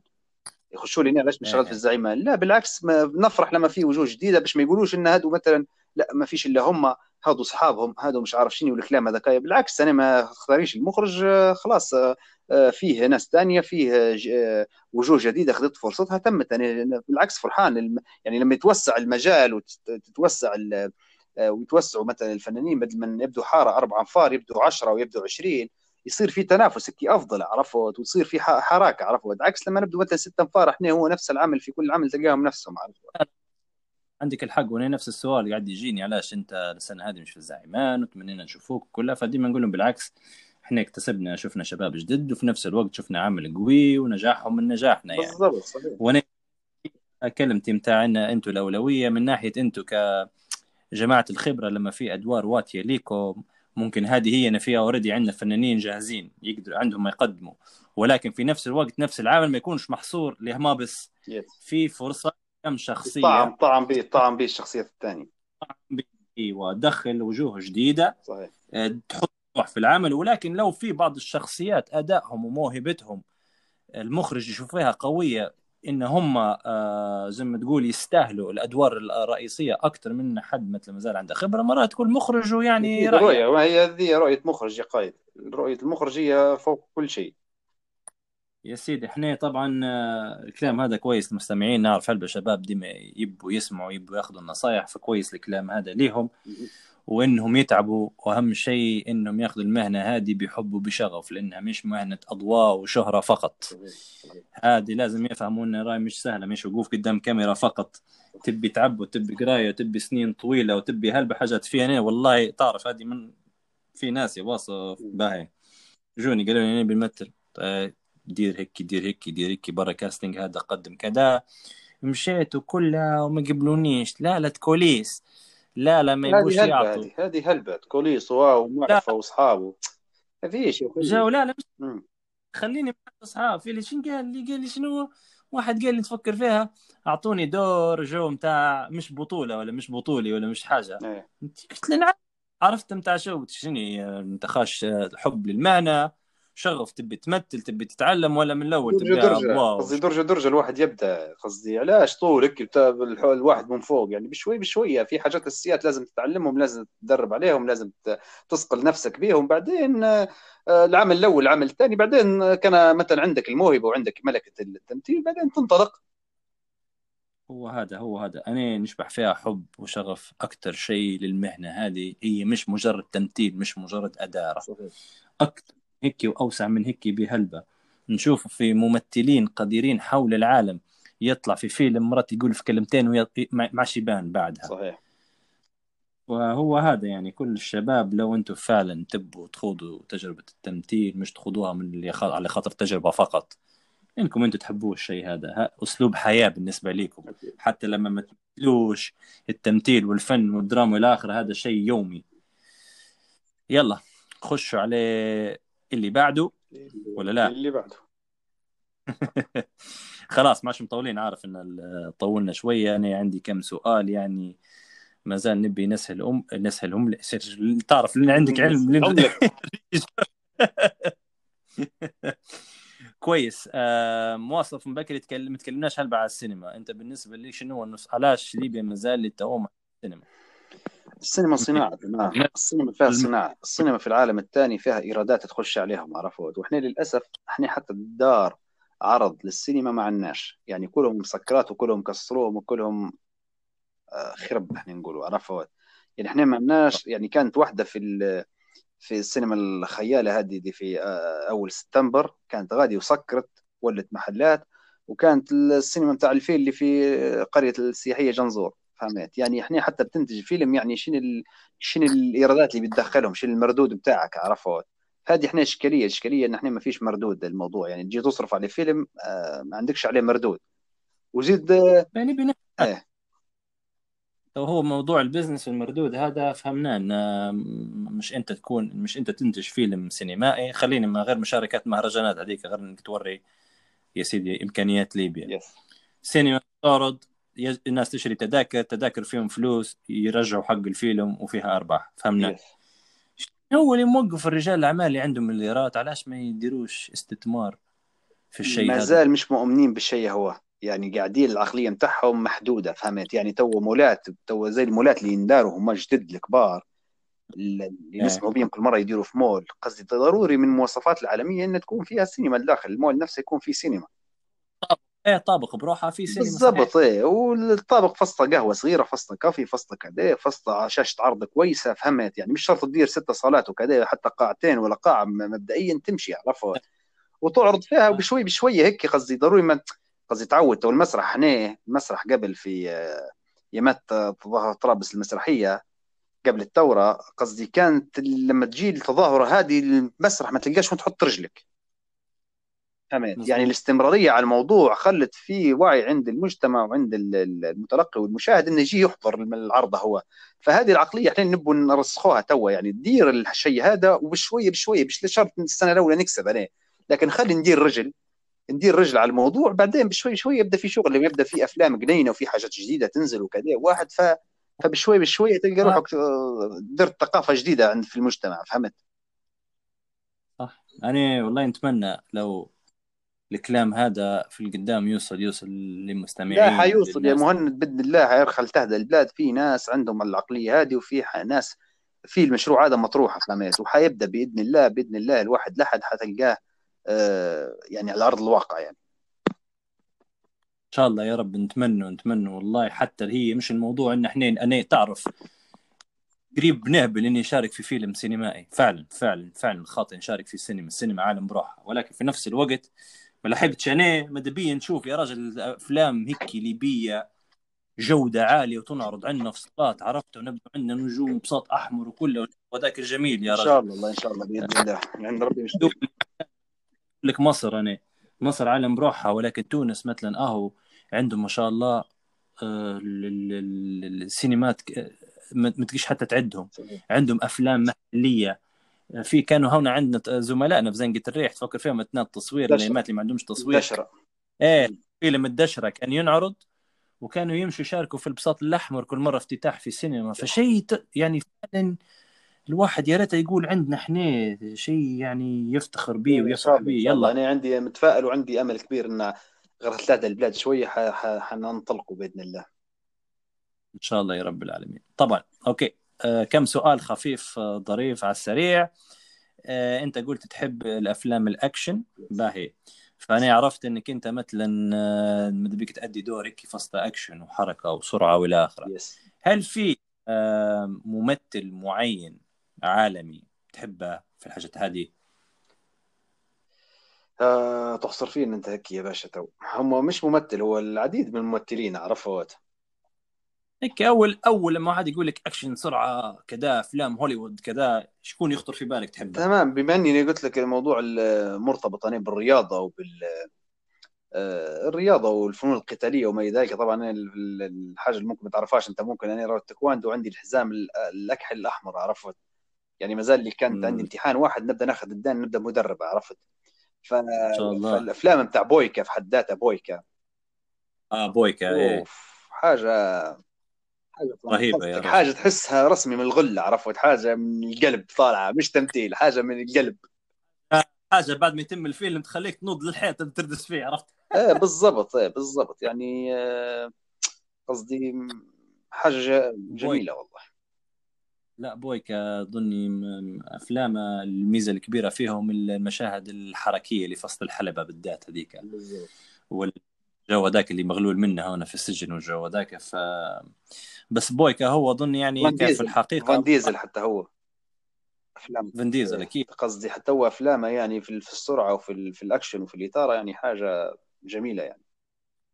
جميل أنا نحب دروك داروك أوه داروك الفترة الأخيرة هذه أفلامه يعني متصد- تصدر الشباك يعني بالجو متاعه. يلا أنا والله تعرف دروك هيك ديما نتبع فيه في حتى هو كقصته كبداياته وكيف كان وكان رياضي وبعدين بدأ في المصارعة وبعدين خش بشوية لهوليوود أدوار عادية وتو مولي من أكثر الفنانين اللي يخلصوا في مبالغ نقول إحنا يعني آه، فوق اكشن تمام. في سؤال بس الفيلم, الفيلم التركي الزنزانة رقم سبعة حضرته لا مازال لا ما احضره وادعي لي حاضر. تم. وأي مستمع توا يحضر بيحضر الزنزانة رقم سبعة يحضر ويدعي لوصف. أيوه خلاص واتحداك. إنك ما آه، تبكيش. آه معناتها قوي وين وين مش موجود على نتفلكس الجو هذا؟ نتفليكس موجود. به ممتاز خلاص. الليلة هذا. خلاص الزنزانة رقم سبعة. معجز الزنزانة معجز الزنزانة رقم سبعة. هذا لو كان ما بكيتش أنا اللي تبيه أنا فيه. خلاص وطبعا بن... خلاص ممتاز. مالا بالنسبة للمستمعين آه، حنحط ال recommendation التوصية متاع واصف. حنزل لكم ال poster في ال story على الانستغرام مش تشوفوا شكله وتتفرجوا عليه. ممتاز جدا. خشوا عليه ال- السؤال اللي بعده إحنا ما دامنا قاعدين في نتكلم عن الممثلين والممثلات هل في ممثل أو ممثلة تحب تمثل معاهم محليا هيك كل ما تعرف إنه بيجمعك معاهم مشاهد تقول أوه بالعكس. نعرف روحي والله نشتي آه، شبه أنا خادم معهم كلهم شبه عرفوا؟ بالذات يعني الجيل إيه. نتاعي والجيل اللي أقدم مني والجيل اللي معصرني يعني فهمت؟ فالحمد طيب. لله يعني ما فيش واحد يعني ما اشتغلتش معه خلاص كلها يعني ما عندكش لا لا ما عنديش. حد معين. مثلا ما اشتغلتش معه كان ما اشتغلتش مع مسرح اشتغلت مع دراما. كان مش دراما مسرح. تمام. بح واصف انت سؤالين هم وراء بعضهم. آه، انت بكر تكلمت شوي على بالنسبة لتحضير ال- الشخصية وشنو هم الحاجات اللي تدير فيهم الأساسيات. لكن شنو هي أكثر حاجة تشوف فيها مهمة ان الممثل لازم يديرها مش يستعد لدور؟ أكثر حاجة ديما يتم عليها التركيز بالنسبة أنت. لازم تفهم الشخصية. لازم تكون مطلع على النص وعارف أبعاد الشخصية وعلاقتك بالشخصيات الأخرى. يعني ما تجيش تقول والله نقرأ النص نتاعي بس وحواراتي بس. لا ضروري ما تقرأ النص من الجلدة للجلدة من البداية للنهاية. فهمتوا؟ حتى المشاهد اللي أنت مش فيهم لازم تقراهم باش تعيش الحدث وتعيش القصة كاملة. ال- إنك تقرأ شخصيتك بس هذه جريمة وهذه كارثة وهذا الفشل بداية الخطوة في الفشل الخطوة الأولى في الفشل. فلذلك شخصيتك علاقتك بالشخصيات الأبعاد علاقتك. النفسية والاجتماعية للشخصية. فهمتوا؟ يعني هيك هذه الخطوة الأولى اللي بتنطلق بها في في في ال في, ال في الأداء بتاعك يعني في العمل. يعطيك الصحة جبتها تعرف آه، في الصميم أنا نفسي لما نقرأ في سيناريو ندير في مجموعة قراءات. القراءة الأولى للقصة بصفة عامة. yes الثانية لشخصيتي أنا وأبعادها. القراءة الثالثة علاقتها ال- بالشخصيات الثانية وبالذات الشخصيات المحورية اللي أنت عندك معهم هلبة يعني. yes yes يعني نخش في التحليل هنا بعد الشخصية نفسها فيزيولوجيا جسديا ذهنيا وإلى آخره والتنقل. وبعدين القراءة متاع اللي فيها وين؟ التنقلات yes في الشخصية. yes بالذات كانت مركبة ولا آخرة فمش مجرد هي اطلاع على نص وخلاص. لا، يعطيك الصحة عليها كويس. آم، به. آم، أنت هيك هذه أهم شيء بالنسبة لك تستعد لدور. به واصف. هل أنت في حاجات كممثل تعتبر فيهم إنجاز؟ شنو هم أعظم إنجازاتك كممثل؟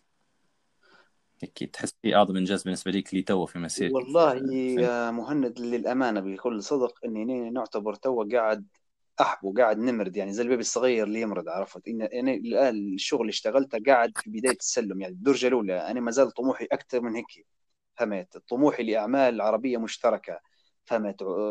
طموحي إني نطلع من العلبة من الصندوق أو الشغل المحلي إلى الشغل العربي فهمت؟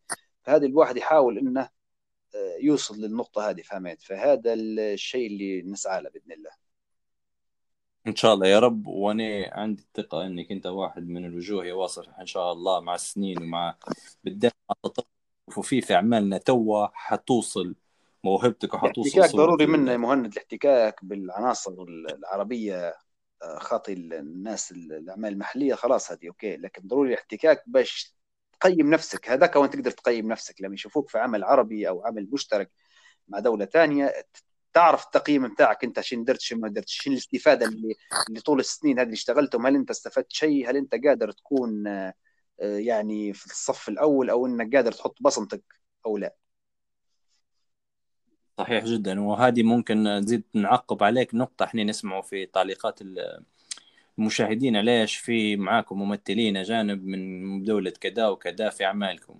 مش عارفين إن بالعكس كل ما العمل فصلة ممثلين جنسيات مختلفة كل ما هذا اختلاط ونستفيدوا من الخبرات بالضبط واحد. وانتشار للهجة بتاعك وانتشار للغة بتاعك ين- وانتشار لي إحنا كممثلين ووجهنا وأدائنا يوصل لمنتجين ومخرجين عرب تانيين. صحيح صحيح.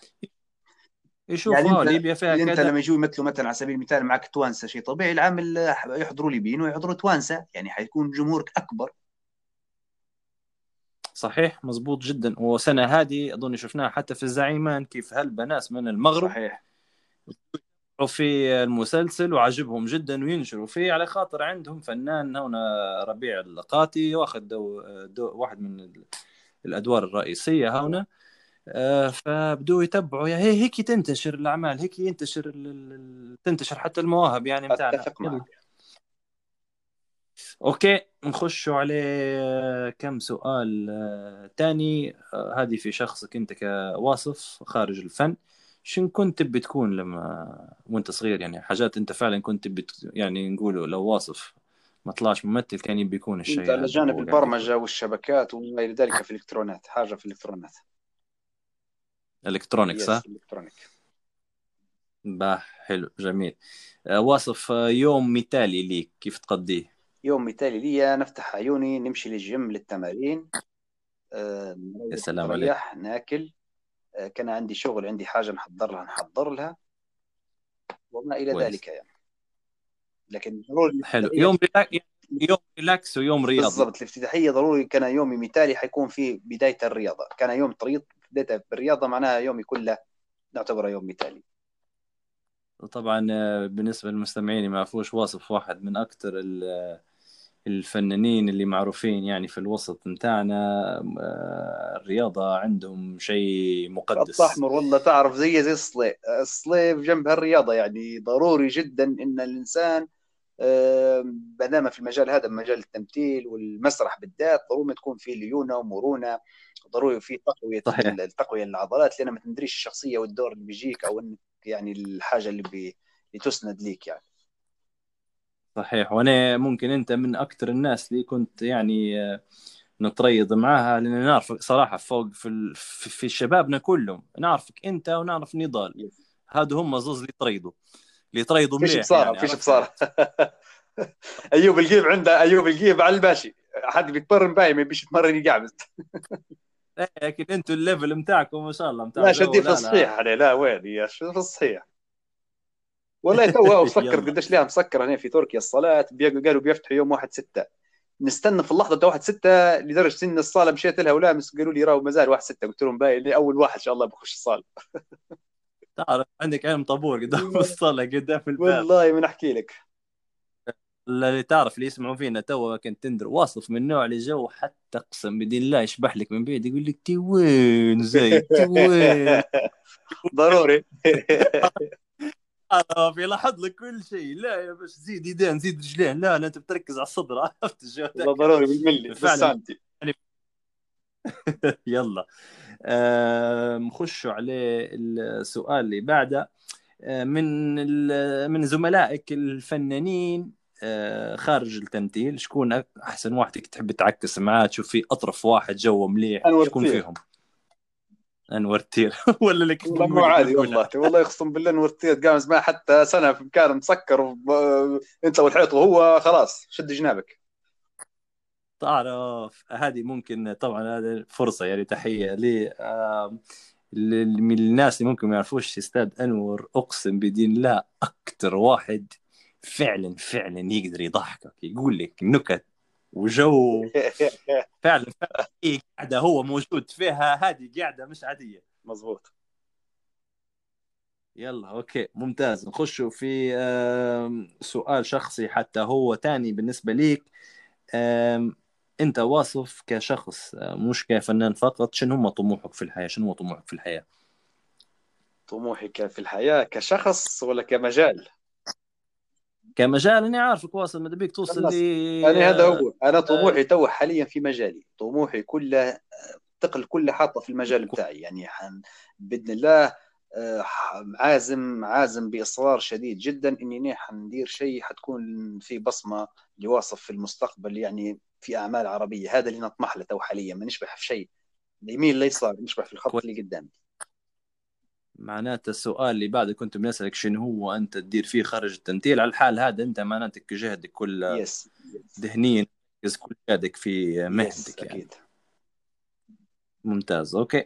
طيب على الصعيد الشخصي شنو هم الحاجات اللي ديما تفرح بهم شنو شنو الشيء مثلا نقول من أفضل الأشياء اللي صارت لي في حياتي؟ تقول ليش عاد حتى وخ شت مجال لا التمثيل بالعكس آه، أجمل شيء ممكن الصداقات اللي كونتها الصداقات اللي كونتها يعني مع ناس يعني في في المجال نفسه في في العلاقات يعني تعرفت على ناس يعني أصدقاء يعني آه، بمعنى الكلمة يعني. لما تقول صديق معناها هذا الصديق وقت الضيق فهمت؟ يعني أصدقاء ممكن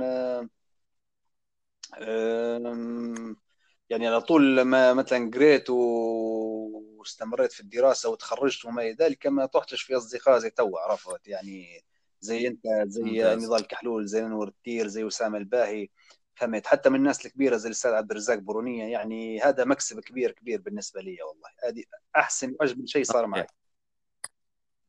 بارك الله فيك. طبعا فعلا أنت ممكن أنا وياك هذا شيء مشترك. أنا ديما نقول إني نحس في روحي من غير إني أنا محظوظ من الشباب اللي حصلت فرصة نخش في العالم الفني يعني معاكم إني نحقق حلمي وإني نبدأ مسيرتي الفنية. ما كنتش متوقع المكسب حيكون خارج التمثيل أكثر من حتى مرات التمثيل نفسه أني يعني تعرفت على ناس نعتبر فيهم تو أصدقاء مش زملاء فقط عرفت خوتي يعني. أكيد. جميلة الحمد يعني. لله.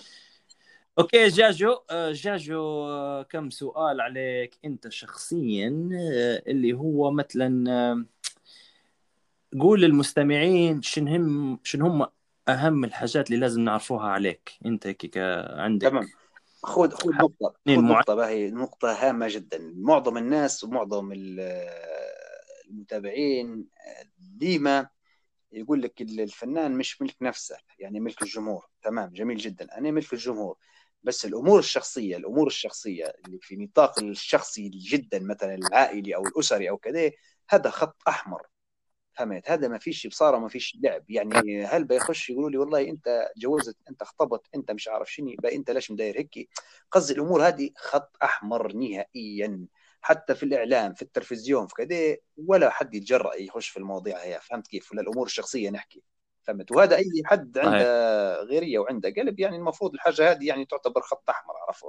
يعني ناقشني في أموري الشخصية في حد ذاتي كواصف لكن ما تخشليش في تفاصيل تانية هيك وهيك وهيك وهيك فهمت؟ هلبة هلبة هلبة ناس آه، تبدأ تقصقص وراك وتسأل وراك وتنشد وراك فهمت؟ يا حبيبي أنت علاقتك بي أنا مش علاقتي بحد تاني فهمت كيف؟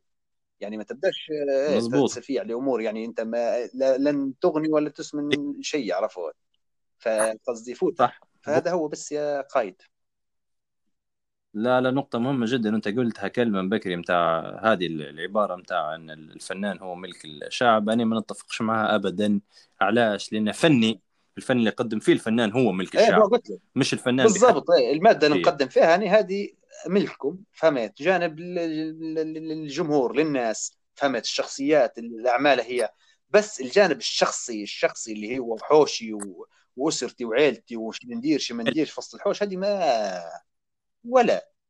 شوف شوف هو إحنا مرات متفاهمين تصير في كل العالم إن ديما الجمهور على أساس عنده فضول والفنانين اللي يحبهم بيعرف حياتهم الشخصيه ممتاز في حاجات أساسية بسيطة. ماشي.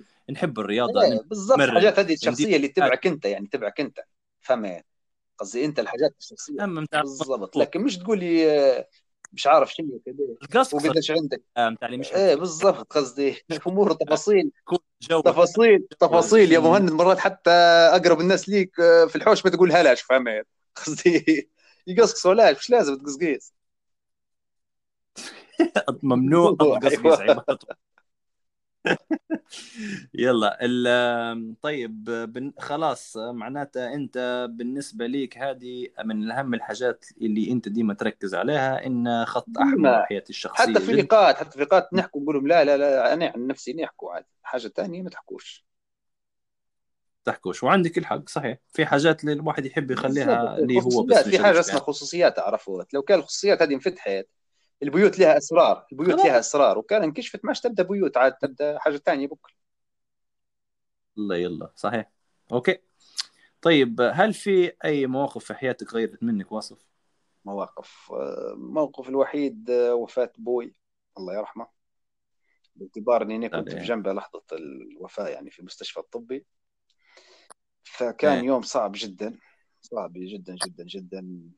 كان هو عنده جلطة وانسداد في الرجل. فمن زي ما تقول الصبح للعشية كان موضوع أنه في بتر الرجل وبعدين البتر الرجل الثانية وف الصدمة هي دارت نقلة غيرت في هلبة حاجات في طبيعة حياتي في تفكيري هلبة حاجات تغيرت من بعد وفاة الوالد؟ المسؤولية بالدرجة الأولى. الله يرحمه ويوسع عليه أكيد يعني الواحد لما يفقد الحبيب والعزيز عليه والقريب منه اللي طول حياته يعني قدوة. وقدامه هو اللي كان الملهم في جميع الأعمال يعني في بعد وفاته هو الملهم بتاعي اللي يخلي فيها نوصل لذروة الشخصية وال والحزن أو الحاجات يعني اللي تتطلب يعني تأثر شديد يعني. هو كان الملهم للحاجات هذه. هو كان السبب ممكن تزيد توضيح للمستمعين ان مرات المشاعر اللي الناس يشوفوا فيها على الشاشة. ما هيش تمثيل ولا هي مشاعر حقيقية. هي تجسيد حالة ولكن اللي نقول إحنا جذور من وين جاية الاحاسيس هذه مرات الواحد يربط بها بحاجات شخصية مر بها أنا. فمرات الواحد يشوف دموع يشوف حاجات حقيقية على الشاشه يقول لك إيه هو راهو دموع دموع دموع. إيه, إيه، حسيناك جديات. مش فهموش غلط. الدموع مش إن تاثر إن مثلا مثلا مشهد في حب وغرام اني بكيت على واحدة مثلا نحبها الدموع نزلوا على خاطر مثلا لا الوالد لا الوالد الملهم الشيء هو يعني أبوي الملهم اللي إني نعطي حافز إني آه، نتميز ونجتهد عرفت؟ لما نفكر هو نتذكره مش دموع مثلا ينزل لخاطر إنه مثلا أبوي توفى أو أو يعني إيه. الواحد. لكن في حد ذاتها يعني انني ملهم يعني قصدي عندي عندي نجاح لازم نديره. في نجاح في العمل هو والشخصية هذه ضروري نديره. لما نقول أيوة على خاطرة هذا الشيء يعني قاعد أيوه على خاطرة بالضبط. وهذه هي نقطة يعني مرات أنت تربط بحاجات شخصية في حياتك توصل بها الإحساس هذا وأنت فاهمها لكن المستمع المستمعين يعني لا المستمعين أنا متأكد 200% يقول لك لما نبكي يتذكر بوه. لا لا هي القصة مش نتذكر بوه. لا نبكي على الشخصية والمشهد نفسه بس هو الملهم. صحيح لا مزبوط. أنا عندي مشهد مثل مزنقة الريح فصل دموع هلبة. والحمد لله يعني الوالد والوالدة موجودين يعني وحيين. ف آمين يا رب. فأنا كانت في حاجات مثلا ألهمتني إنني اللحظة هذيك نوصل بها الأحساس. فهيك مش نزيد نوضحوا لهم يعني. كويس. طيب واصل هل بالنسبة ليك الصدق أفضل سياسة؟ أه مش ديما. ولا في أي وقت في مرات لا. إمتى آه؟ إمتى هيك وأمتى هيك والله ما أنت لازم تحدد لي مسار معين مثلا في المجال في في الحياة اليومية في قصدي من أما زاوية فهمت؟ اما الصدق آه؟ تعاملك مع الناس سواء في المجال أو خارجة أو الأسرة والشعب هل أنت تشوف أن ديما الصدق أفضل هو سياسة هو ولا في مرات هو ديما يقول لك حبل الكذب قصير والإنسان لازم يكون صادق وصدوق عرفت؟ بس في مواقف في مواقف يتحتم عليك إحنا نقولوا في اللي يقول لك لا ما فيش كذبة بيضاء وكذبة سوداء. لا في كذبة بيضاء. فهمت؟ في حاجات توجب عليك إنك أنت تكذب كذبه بيضاء. أنت نوعا ما هذيك أنت جو كأنك تت... ما تبيش الشخص اللي قاعد تتعامل مثلا معاه تجرح له مشاعره مثلا. أو تكسره. أو تكسره. يعني ممكن في فرصة يعني مش مش من الأول مثلا إحنا في المجال بتاعنا مثلا حد فاشل تجي تقول له أنت فاشل. فهمت؟ حاول حاول. إيه حاول. إيه اعطيه فرصة ترتيب يعني بعدين تعرف كيف توجه ان راهو هذا المجال مش ليك. آه زي تو مثلا أنا جاجو مش زي أول. يوم زي تو تو يقدر يجي يقول لي والله يا من اسمع الأخير ما عجبتنيش دير. زمان ممكن ما يقولها لي أيوه. يلا. آه خلاص عندنا 5 minutes ونكمل مش مزيدش نطول عليك. يعطيك الصحة سامحني طولت عليك. وسعيد جدا بهذه الاستضافة الجميلة. thank you very much تدريزه هي أكثر من استضافة يا باشا. آه يلا خلينا نخش عليه. نختار آه، سؤال ثاني أنت أعطيني عادة تشوف فيها مزعجة بالنسبة لك للناس من غير تقصقص هيك حاجات تتعرض من الناس تحس فيها شيء فعلا. هيك في شخص تزعج تقييد فيه. الأحوال يا مهند. خذها ولا خليها تقييد الأحوال.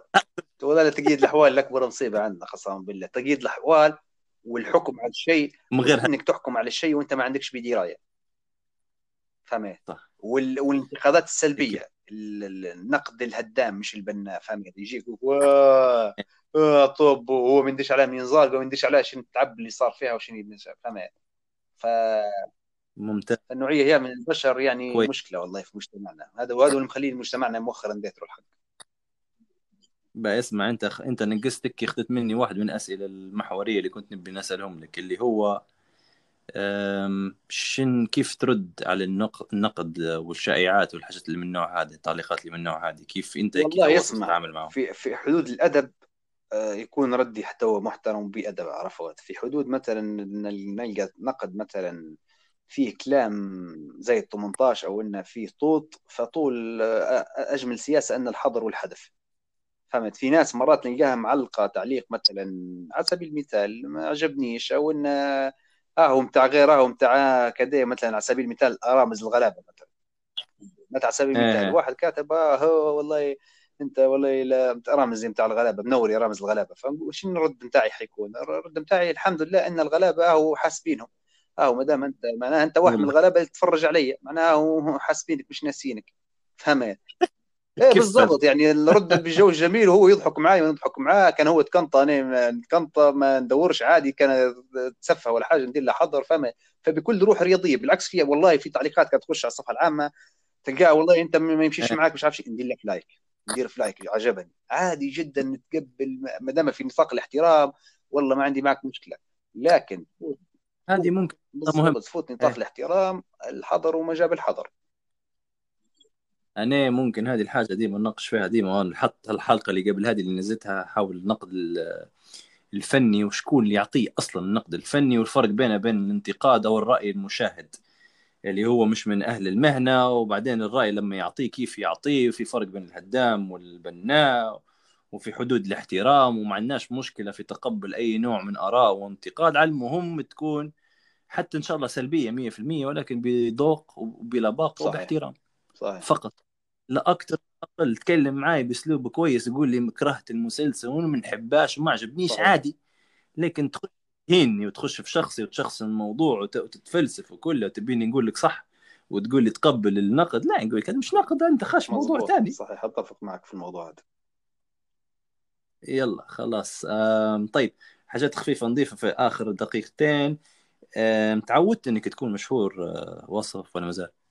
لا منسجم لا. منسجم منسجم يا مهند. بحكم إني إنسان بيتوتي راه بغض النظر عن ترى تشبحني هيك واحد لكن إنسان ديما بيتوتي حد التمارين الحوش خدمتي فهمت يعني ما عنديش على الدوران هلبة وطلوع في الشارع وما إلى ذلك فهمت حتى لما كنت غادي في طرابلس. يعني من نطاق محدود يعني ما عنديش على ال- والحق ما فيش إلا. الاحترام والقدر لما نطلع لمحل أو سوق أو شيء أو كذا نلقى في كل الاحترام وقدر الحق. الحمد لله رب العالمين. هو راه اسمع هل بالليبين في, ال... في ال... بالوجه يختلفوا هل على طريقتهم واسلوبهم على ال- ال social media. في اللي الموقف. تلقاه آه، نازل فيك من ساسك لراسك مجرد ما تطلع الشارع وتتلاقى انت في الشارع يتغير 360 درجة.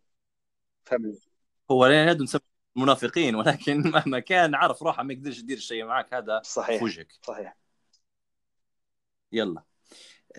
آخر سؤالين أه، اللي هو أعطيني أي لغة خطك تتحدث بها تتعلمها تتحدث بها لو في سبب معين. الإنجليزية اللي عندك يا مهند. وراسك أنت لا ما عندكش أي مشكلة. إمتى ما تبي تكرس قلت لك أو إن أنت مش جت فترة يا رجل. لا لا أنا ماشي. أموري لكن ما زال قصدي هي القصة وين؟ المخالطة والمحادثة وما إلى ذلك. من الأمور هي اللي تخليك يعني تتمسك بها الحاجة هي.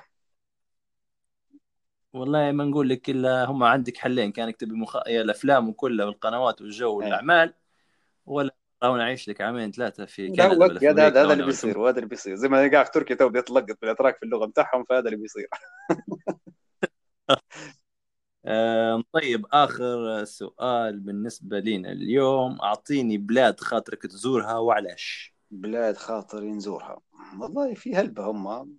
البلدان يعني قصدي كل بلاد ولها خصوصيتها وجوها عرفت؟ آه، مش نقول لك نبي نزور فرنسا مش نقول لك نبي نزور روسيا مش نقول لك نبي نزور آه، اليابان والصين فهمت؟ يعني كل بلاد لها خصوصيتها ولها جوها فهمت؟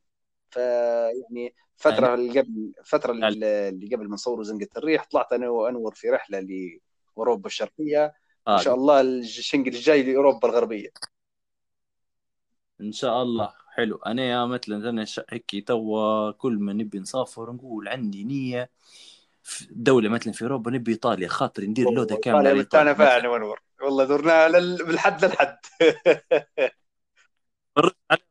لا والله لا فعلا فعلا راهو كل ما عندي حد زيك أنت مثلا يمشي حد أيوة. نعرفه ونشبح الجو يشكر فيها تزيد لكن جميلة. غالية لكن جميلة. غالية لكن تستاهل. والله تستاهل. خلاص هو هذا. عندك إيطاليا وعندك الدول الأسيوية عرفتها هيك متاع جو ال- المالديف. وبالي وتايلاند والجو هذاك جو بروح هذاك. إيه فهذا هو والله حد غير تم الكورونا عرفتها واحد. شكله يبي يستمتع بالعالم ما دام تسكر علينا. إن شاء الله يا أخوي إن شاء الله ربي يتم الوباء على خير. طيب. يا سيدي واصف آه، الخوالي صديقي زميلي أخي عزيزي بارك الله فيك على وقتك. الجميل فعلا. الواحد ما غير إنه هو زميلك يا واصف. نشهد بالله إنك أنت واحد من الشباب المبدعين في المجال وح- اللي ترفع في رأسنا فوق في عالم الدراما وعالم التمثيل ومفتخرين بيك جدا. وأنا كسبتك كصديق. وفعلا فعلا الواحد مش مجرد راه يخدم معاك ولكن يتعلم منك ديما. فمنور فيك. شكرا. آه، أعطينا كلمة تبينا إحنا كمتابعينك ومشاهدينك وحتى المستمعينك توا يتذك- يتذكروك به أول مهند شكرا وبارك الله فيك على هذا اللقاء الجميل الهدرزة الجميلة اللي صارت بيني وبينك. وأنا نعتز ونفتخر بأنك أنت أحد الأصدقاء المقربين لي. كلمة نتوجه بها للمتابعين. إن شاء الله يا رب آه، ليبيا آه، تكون في المستقبل القريب في الأمان وفي السلم. والمصالحه هذه بالدرجة الأولى لأن الحاجات هم ثلاثة هم اللي تبنى عليهم ليبيا وليبيا مش حتبنى إلا بسواعد أبنائها وشبابها. يعني الشباب هم الداعم الرئيسي والداعم للبناء آه، وللتقدم والازدهار أكيد. فنقول لكم آه، بمناسبة إن غدوة أول يوم عيد الفطر المبارك كل عام وأنتم بخير وكل عام وأنت بخير يا مهند وعايدين فايزين إن شاء الله. ويا رب يا رب يا رب رمضان الجاي نكونوا في عمل وفي شغل. يليق بالمشاهد الليبي آه، محليا وعربيا بإذن الله. إن شاء الله أخوي واصف كل عام وأنت والأسرة بخير. يعطيكم الصحة والسلامة. عيدكم مبارك وبإذن الله القادم أجمل. ونشوفوك فنان مزدهر مبدع ناجح آه، محليا عربيا اقليميا وعالميا في السينما المسرح والدراما. عزيزي واصف إلى اللقاء. شكرا لاستماعكم للحلقة هذه من بودكاست كلاشنيات. لو عجبتكم الحلقة من فضلكم أبعتوا لي كل آرائكم على صفحتي الخاصة على الإنستغرام. لو في مواضيع تبوني نهدرز عليها في المستقبل حتى هم أبعتهم لي على صفحتي على الإنستغرام. وطبعا ما تنسوش ال like ال share وال review. مش البودكاست يوصل لغيركم منورين مرة تانية. نتلاقوا الحلقة القادمة إن شاء الله. I'll be back. Hasta la vista, baby.